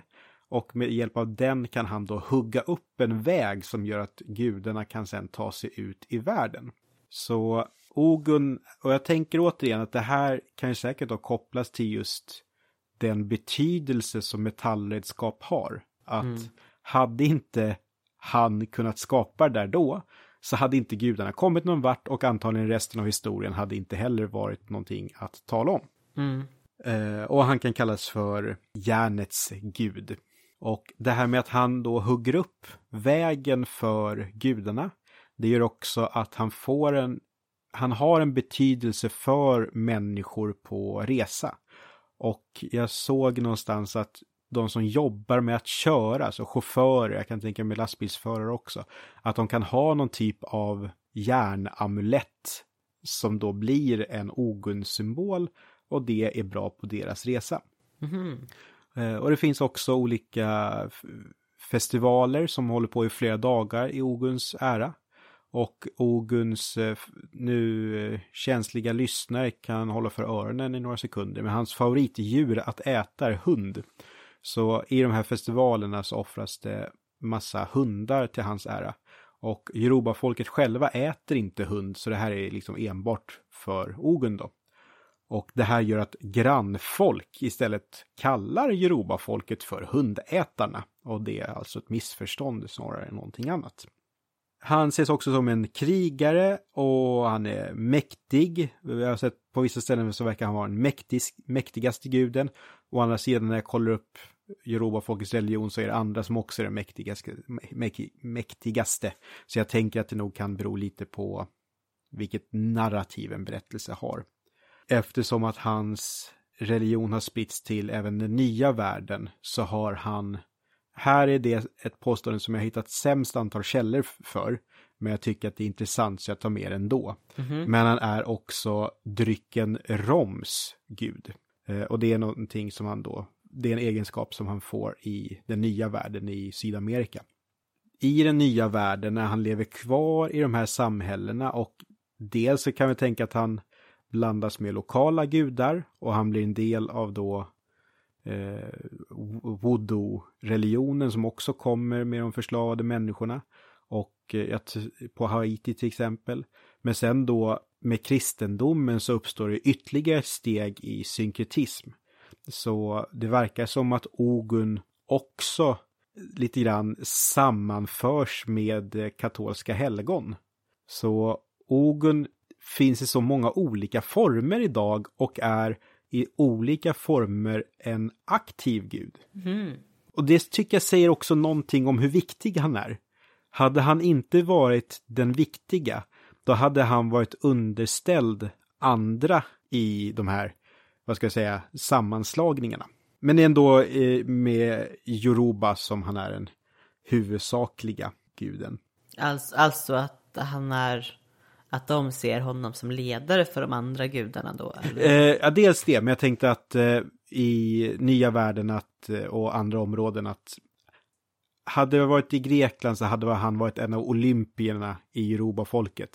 Men på andra områden kanske han inte skulle räknas bland olympien utan han är en ändå mindre grupp gudar. Okej, ja då förstår jag. Det, det är i alla fall bilden jag får. Okej. Och sen i varianter att han kan till och med vara den som skapar järnet så att det inte är han som hittar järnet utan det är till och med han som är själva ursprunget till att det här materialet finns överhuvudtaget. Okej. Eh, han går klädd i röda kläder eh, och eh, för han verkar hållas lite avskilt. Och eh, han sitter på något berg och eh, smider och skapar. Men sen så tänker jag att jo, men jag borde nog vara bland folk istället. Så då går han iväg i röda kläder och i och med att han är en gud då så är det här blodiga och brinnande kläder. Men sen i då festivalerna i hans ära, att de som är kultuträttarna, motsvarande präster då, att då har de röda kläder på sig. Mm. Så det finns hela tiden det här hur utövandet av kulten också inkluderas i själva mytologin. Eh, en av de bästa artiklarna jag hittat om Ogun är en nigeriansk eh, hemsida. Men de har gjort den här artikeln för att jämföra Disney-karaktären Maleficent med Ogun. Så, alltså hon, eh, skurken från Törnrosa. Ja. Eh, Så det är lite konstigt narrativ i själva texten, men sen när man hittar vilka stycken som handlar om Ogun så är den väldigt intressant. Okej. Det kommer också läggas till i litteraturlistan. Nej, men det, som sagt, jag, jag har inte kommit jättenära Ogun. Däremot så, det är alltid spännande med de där religionerna och mytologierna som vi inte kommer så ofta. Och det är också lite talande tror jag att det är förhållandevis svårt att då ta till sig en afrikansk religion och mytologi. För det finns ju då, visst Egypten, Egyptisk, det är också en afrikansk, men att det räknas i antiken och det skrivs jättemycket om det, har gjorts det i flera hundra år.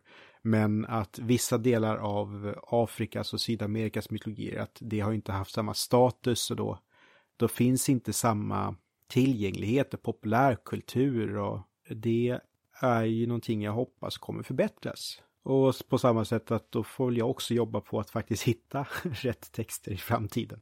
Mm. Ja. Nej, men det är om det. Mm. Ogun, God of Iron. Han är också så här skyddsgud för städer och jag tänker väl att det är just en civilisationsbärare på något sätt. Jag kommer inte ihåg om du sa det, men var det några särskilda föremål eller något som associerades med honom? Det jag får känslan av det är just att det är det här med dels färgen röd, men järnredskap. I allmänhet? Ja, eh, ja och just de här amuletterna, att det är gjort av järn. Men okay. Eh, så tror jag att det var någonting om knivar också, och det är väl just det här med att hur han hugger upp eh, vägen för de andra gudarna.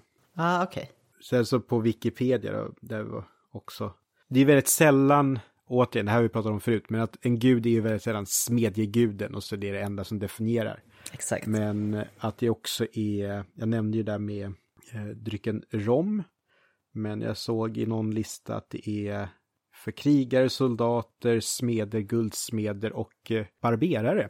Mm.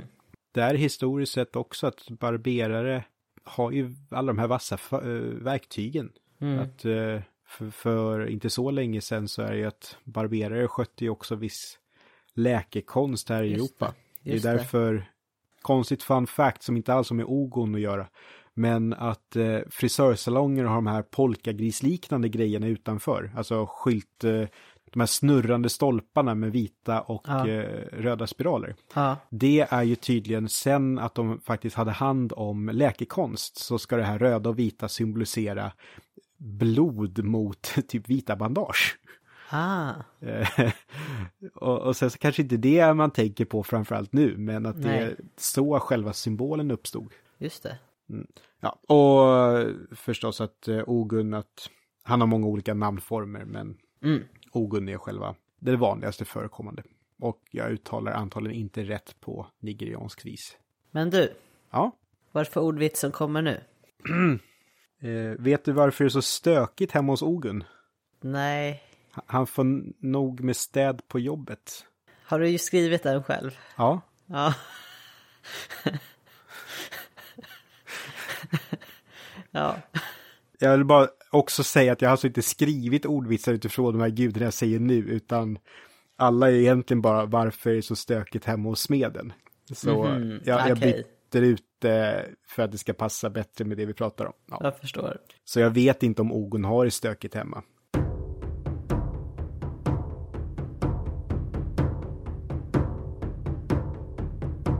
Ska vi dra vidare? Ja, var ska vi nu?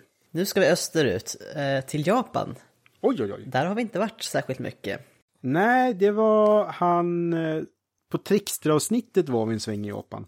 Ja. Därför jag tänkte ta lite introduktion till myter i Japan. Och vi har några källor då som är värda att känna till. Och till att börja med så finns det en bok som heter Kojiki. Kojiki är den äldsta bevarade boken om Japans äldre historia som är skriven på klassisk kinesiska. Kojiki eh, består av 180 kapitel fördelade på tre olika avsnitt. Och den börjar med väldigt mytologiska berättelser som till exempel eh, skapelsemyten. Eh, och sen övergår den till en mer historisk skildring. Den skrevs mellan 680 till 712 av eh, kejsarens hovskribent Ono Yasumaro efter muntliga berättelser. Sen finns det ett liknande verk som är något yngre som kallas för Nihon Shoki eller Nihonki Nihon är ju då det japanska namnet på Japan. Eh, och eh, man brukar översätta, man kan väl översätta det som Japans krönika. Och det är ju egentligen den näst äldsta boken och också eh, en sån mm, historieskildring nästan. Också skriven på klassisk eh, kinesiska, består av eh, 30 kapitel och eh, börjar också med Eh, mytologiska berättelser. Den blev också klar på 700-talet, men lite senare då. Det är de två viktigaste, de, de jag nämnt innan. Eh, Kojiki och Nihon Shoki. Eh, sen finns det ett verk då som heter Kogoshui. Skriv, skriven på, eller från 800-talet. Och det här är samma sorts historieskildring egentligen. Men sammanställer främsta hand muntliga berättelser från Inbe-klanen. I Japan då så är ju Shinto eh, liksom deras egna inhemska religion. Och den kretsar väldigt mycket kring ritualer och riter. Och den är liksom närmast animistisk egentligen. Eh, med liksom många perspektiv som kretsar kring olika naturandar. Ett begrepp som förekommer inom shinto då är kami. Ett begrepp som innefattar både gudar, andar, naturkrafter, eh, människans själ och så vidare. Ibland tror jag liksom också det är en energi och så vidare. Kami finns i ett oändligt antal. Eh, och det som är speciellt att dyrkan krävs för att Kami, eller Kami, ska hållas vid liv eller få liv. Jag hade lite svårt att sålla här så jag kommer att prata om flera olika karaktärer kopplade till smeden. Men jag ska försöka vara ganska kortfattad på allihopa. Och jag börjar med den som kanske har längst namn av alla. Amenoma Hitotsu no Kami. Man kan säga, alltså no Kami, det är ju liksom, Kami är ju Kami, begreppet no är liksom en partikel som, ja, man kan säga att det är Kamin Amenoma Hitotsu. Sen finns det en liknande, en annan som heter Amatsumara. Och de här två, Amatsumaru och Amenoma Hitotsu tros egentligen vara samma gud. De har då en koppling till järnframställning och smide.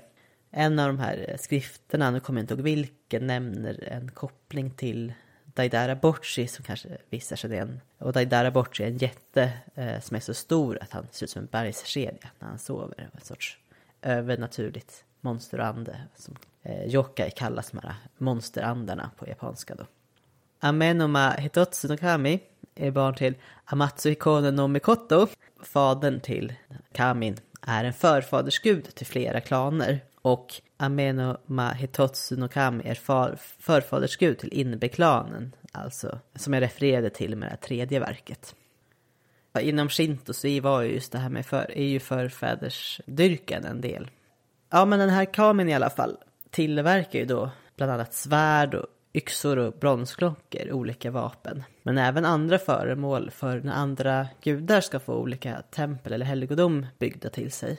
Eh, en av de tre japanska skapargudarna utser Amenoma Hitotsu till eh, smed då vid ett här sånt tillfälle när det är andra gudar som ska få tempel byggda till sig. Mahitotsu är ju en del av den här eh, Kamins namn och betyder ett öga. Eh, just det här ett öga kan syfta då på en koppling till smeder just för att de stänger ett öga för att se färg på järnet bättre. Och det gör man då för att bedöma temperaturen på eh, järnet. Eller att smeder ofta blir blinda på ena ögat och att det är ett, som en vanlig sjukdom inom järnindustrin. Och just det, det är ju det här med ett öga som en tror att Amatsumara skulle vara samma eh, individ då som, som Amenoma Hitotsu. Just för att delen Mara i hans namn också betyder ett öga. Amenoma Hitotsu beskrivs då som smed i Kojiki, nej, Nihon och Kogoshui, två av de verk jag nämnde. Men i det äldsta verket, Kojiki, där är det Amatsumara som beskrivs som smed. Och för att bara komma in på då en exempel på en myt. Så i Kojiki berättas hur solgudinnan Amaterasu har gömt sig i en grotta. Och hon är ju då solgudinna, så att det är ju väldigt eh, så länge hon är i grottan så är det ju liksom väldigt eh, mörkt och nattsvart ute i, liksom, i, i världen. Och därför måste man få fram henne ur grottan. Och hon luras ut med hjälp av en spegel. I tidigare texten har det beskrivits hur Amat Sumara har använt stål från himlens metallberg. Och vissa tolkar det då som att eh, Amatsumara har raffinerat den här metallen då inför att den ska användas för att göra spegeln. Men själva spegeln var en gudinna som gjorde. Och den här gudinnan då kallas för Ishikore Domi no Mikoto. Hon är en kami över speglar. Det är hon som eh, skapar den här spegeln. Eh, och hon kopplas till gjutning och metallhantverk också. Och hon tillbes av stenhugger och spegelmakare.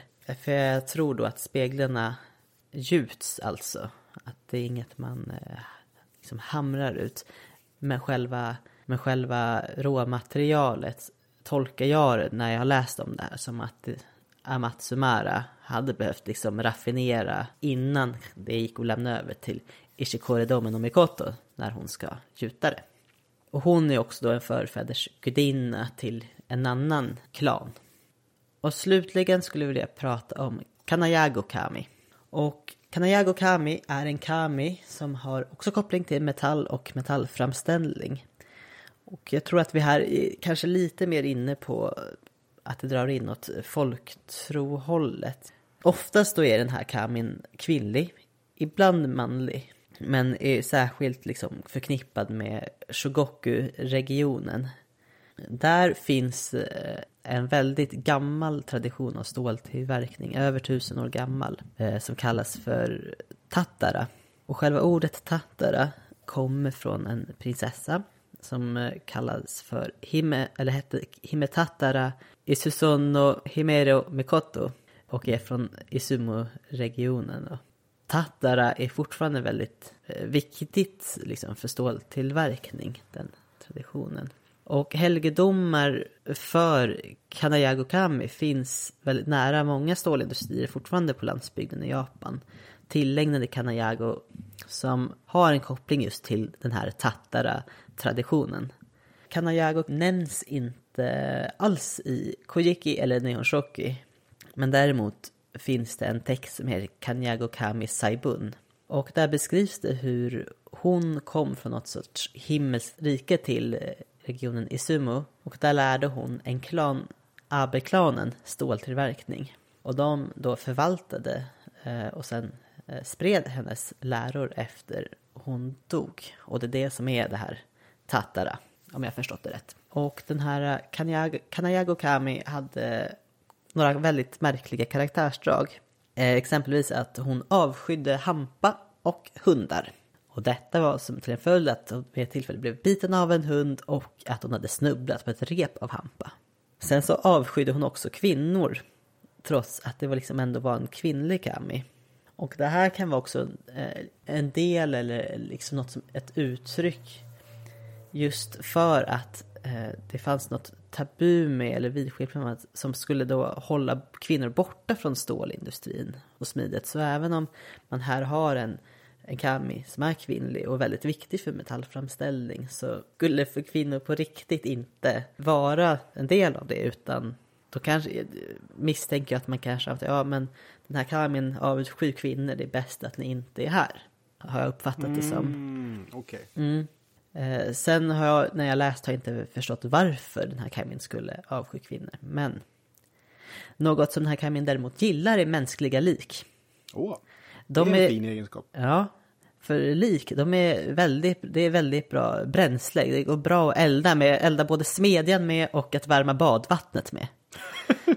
Så det var, mm, man ska vara energieffektiv och använda det, ja. det man får tag på. Och där, alltså tyvärr tänker, alltså det är väl en sån här grej med just stålframställning. Att det är en sån populär myt att det är mänskligt skelett som är del av det här kolet som ska in i järnet. Mm, ja, det har man hört. Undrar om det skulle vara någon koppling i... Ja, jag vet inte. Ja. Nej, men det var lite ocharmigare. Men, eh, mm. ja. Men jag tycker ändå det var spännande med två exempel här med ändå kvinnliga mm. gestalter, även om de kanske är lite en lägre kami eller gud, gudnivå än liksom olympierna som mm. Hephaistos som är liksom verkligen crème de la crème, i liksom gudanivåer, men de här kanske lite lägre stående. Om, man ska, om man ska ens ska göra sådana jämförelser, Ja. vilket jag kan, kan, kanske är problematiskt här i det här fallet. Ja, men eh, spännande i alla fall. Det fanns många, Eh, många olika nivåer av det. Och här tyckte jag också det blev liksom att man hade en kami väldigt kopplad till just eh, tataren, just en särskild tradi- specifik tradition av ståltillverkning. Och att en som just hade här med eh, Ishikore Dome Mikoto som gjutning och speglar, att det var liksom också där väldigt specifikt, de här grejerna. Och eh, Amatsumara eller Amenoma Hitotsu som kanske var lite, lite bredare men det var ändå eh, lite järn och svärdyxor och bronsklockor. Det var liksom lite, kanske lite högre upp in i kami-nivå. Och där jag tänker, du pratar om Kami-nivå här, men jag tänker, har du fått någon vibb för rent socialt hur de står sig? Någon kan ju vara högt uppsatt i en hierarki men fortfarande kan vara lite, vad ska jag säga, outsider. Jag tänker på Ogun då, som, han, han var ju helst i lite då avskilt. Mm. Och Hephaistos han kastas ner för berget i olika myter och de här eh, från norra när jag pratar om, de är också outsiders. Jag har ju försökt driva teorin att man ser smeder som någonting annat. Har du märkt av något, alltså skulle det kunna finnas något sånt eller? Mm.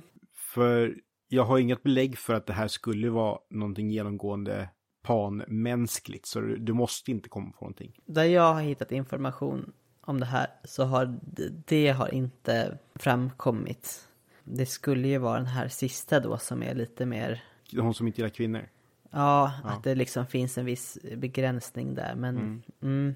nej, det är inte riktigt, riktigt samma. Men här hade det ju mer om att, jag tror också att det har med just det här med shinton, att, att det handlar om att man ska tillbe och respektera dem och att man har tempel och helgedomar till dem för att få dem att också samarbeta med dig när du tillverkar eller håller på med metallframställningen här.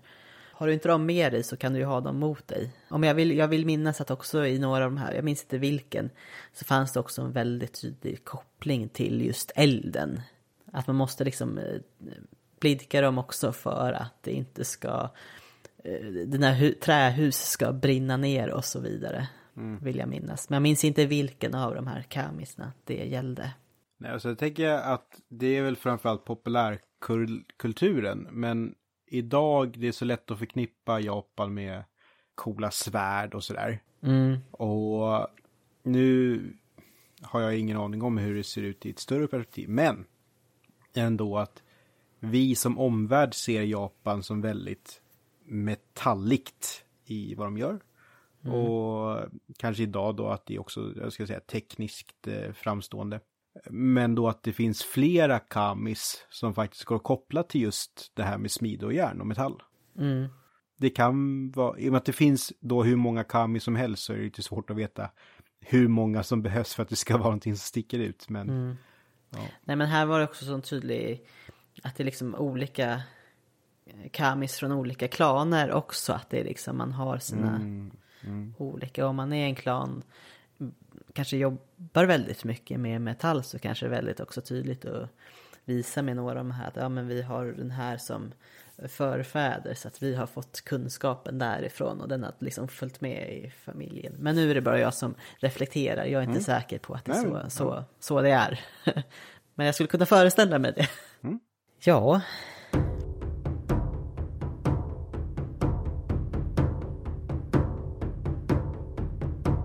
Jag kom på, eh, det är inte en ordvits utan det är bara dum, eh, dum sak jag kom att tänka på. Med Athena i Zeus huvud. Vad oroliga folk i antika Grekland måste varit när de hade migrän. ja, Så här, kommer det komma ut en liten gudinna ur mig nu?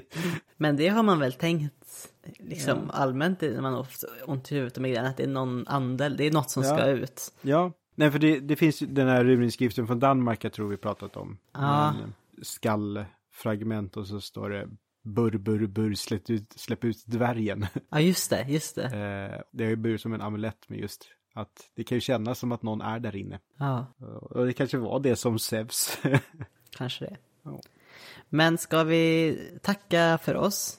Ja, eller runda av detta. Vi, vi ska säga lite först. eh, jag vill bara säga att eh, kul kväll att spela in. Eh, det känns som att det var ett tag sedan vi snackade nu, men det här var, det här var jättekul. Mm, Vissa ämnen vi tar kan ju kännas jättekrångliga inför och sen så hittar vi ju ändå någonting vi tycker är kul. Men här var också då så här, smeder är tufft. Ja, men det här, Ja. jag har liksom tänkt på det här. Jag har tänkt på det här ämnet innan, vi ens hade, innan jag ens hade frågat dig om vi skulle göra den här podden. Så jag tänker, det här, det här ska vi göra någon gång. Oj! Ja, Okej. sen vet jag inte om min research sen levde upp till min laddning inför Nej, ja. men, men eh, jag tänker att det, det, ska, det finns nog mycket att plocka här alltså. Och Men- det var nog väldigt mycket vi inte tog upp heller. Så, ja. Men så efter två års tid så la du på ett kol. Ja, ja, jag gjorde väl det. Nej, men vad mer ska vi säga? Jag tror att ni lyssnare, ni märker nog också när vi spelar in sena avsnitt. Eh, klockan är nu fem i elva för oss. Ja, det känns lite trögt. Ja, men eh, lite fnittrigare, lite långsammare prat. Men jättekul avsnitt och eh, jag har lärt mig nya saker, hoppas ni också gjort det. Vi, vi kommer ju med ett nytt avsnitt efter typ bara två veckor efter det här också. Då ska du ju ha ett litet avsnitt. Då blir det ett litet miniavsnitt. Ja, Det, det är nog på tiden. Det är så att jag ska prata om det jag ska Ja. prata om, om vi säger så. ja. Eh, Jag lämnar, lämnar den hinten bara. Mm. Jag, kan säga att det är en person som skickade in eh, en fråga till oss och sa, ska ni inte prata om det här snart? Och jag säger, ja, kanske är på gång. Det kan vara på gång. ja. Så att, eh, ja. Ja, eh, nej men det blir kul och jag är jättepepp på att äntligen få höra mer om det där. Och ganska snart har vi lite samarbete på gång också. Mm, just det. Men vi kommer ha ett avsnitt för oss själva innan dess. Ja. Så att vi berättar mer om det nästa gång. Just det. Det är jag som har valt det ämnet va? Eller nästa månad. Ja, Ja, ja det är det. just det. Det är något blött det handlar om. Ja, just det! Ja, nu är jag med. Nu är jag med. Tror jag. eh, nej men, och det kan jag också, just att eh, det är allmänt känt att i de förra säsongerna att Li kan ju säga då i slutet av avsnittet, de ska vi prata om nästa gång, jag kan säga just det, jag ska välja ett ämne. Men den här säsongen är faktiskt helt planerad. Förutom kortavsnitten, men det kommer. Ja, nej men och vi finns på sociala medier. Som vanligt så finns vi på Instagram Där heter vi Mytologipodd, och på Facebook heter vi. Mytologipodden. Sen har vi en hemsida, www.mytologipodden.com. Och du har ju fixat TikTok. Nu är vi igång på TikTok. Ja, och eh, det finns eh, tre stycken klipp just nu. Och eh, ett av dem handlar om Beowulf, alla är förvånade. Nej men och visst, alltså det, eh, det är lite kul ställe att bara göra filmer. Och eh, jag kommer, vi kommer sen att försöka göra lite mer fakta förmedlande klipp och då kommer det inte vara lika mycket musik och då kommer jag också kunna lägga upp dem på Instagram-händelser. Så det kommer nog att bli lite samkört där så småningom också. jag är ju inte så aktiv. Jag har inte TikTok så jag vet knappt hur den appen fungerar. Eh, Så det kommer vara Erik som håller i det mest. Det ska bli kul. Det är kul för mig också när du skickar klipp och visar nu fixar jag det här. Ja, Li, Li får ju också utkasten innan också. Men man kan komma åt de här klippen även utan att ha ett konto eller att ladda ner appen. Eh, det går att gå ut på tiktok.com slash at mytologipodden. Då kan man komma åt materialet ändå, tror jag. För jag skickar massa länkar till folk som inte har appen och de verkar, antingen så skriver de haha för att vara snälla eller så kan de faktiskt se det. Sen så finns vi där man lyssnar på podd, men det tror jag du redan vet eftersom du redan lyssnar på oss. Så jag tänkte vi behöver inte säga var det finns längre.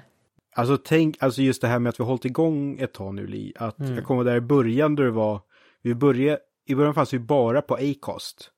Och sen så var det en så här rätt stor grej när vi fanns på Apple också. Sen så fick du till eh, Spotify efter några avsnitt. Jag satt och kollade igenom våra gamla händelser nämligen på Instagram idag. Och så här, nu finns avsnitt två på Acast. Och sen så här, åh, vi fanns på Spotify. Och nu plötsligt så här, äh, vi är så etablerade, vi behöver inte säga. Oh yeah. Uh, uh. Ja, jag har tänkt på det flera gånger när man säger i slutet, ja, nu, vi finns och lyssnar på här och här. Och. Ja. Men eh, det är ju bara ni som redan lyssnar på oss som hör vad vi säger. Så ni har ju uppenbarligen hittat rätt redan. Det, det är lite grann som... Och det tackar vi, oss, tackar Ja. vi er för, oss för. Ja, Jag är trött. ja. Nej, jag tänkte, det är lite som så att på en eh, köp-DVD och så står det ladda inte ner filmer. Ja, början." exakt, exakt. Men Erik, dags att gå och lägga sig. Ja, stort tack för ikväll. Tack för att du lät mig omboka gårdagen också. Jag ser fram emot att höra ditt eh, egna avsnitt sen också. Ja. Men eh, nu, nu trycker jag på stopp innan det kommer fler ordvitsar. Nu stänger vi vår lilla ordsmedja här. Tack och adjö. tack och hej.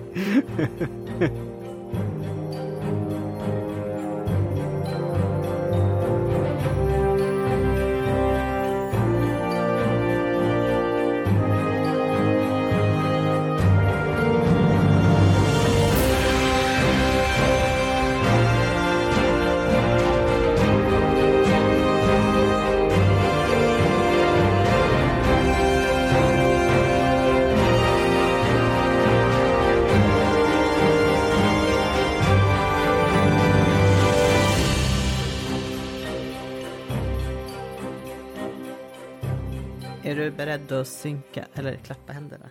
Klappa händerna när du är riktigt glad. Klappa händerna när du är riktigt glad. Jag undrar om det där går att synka på.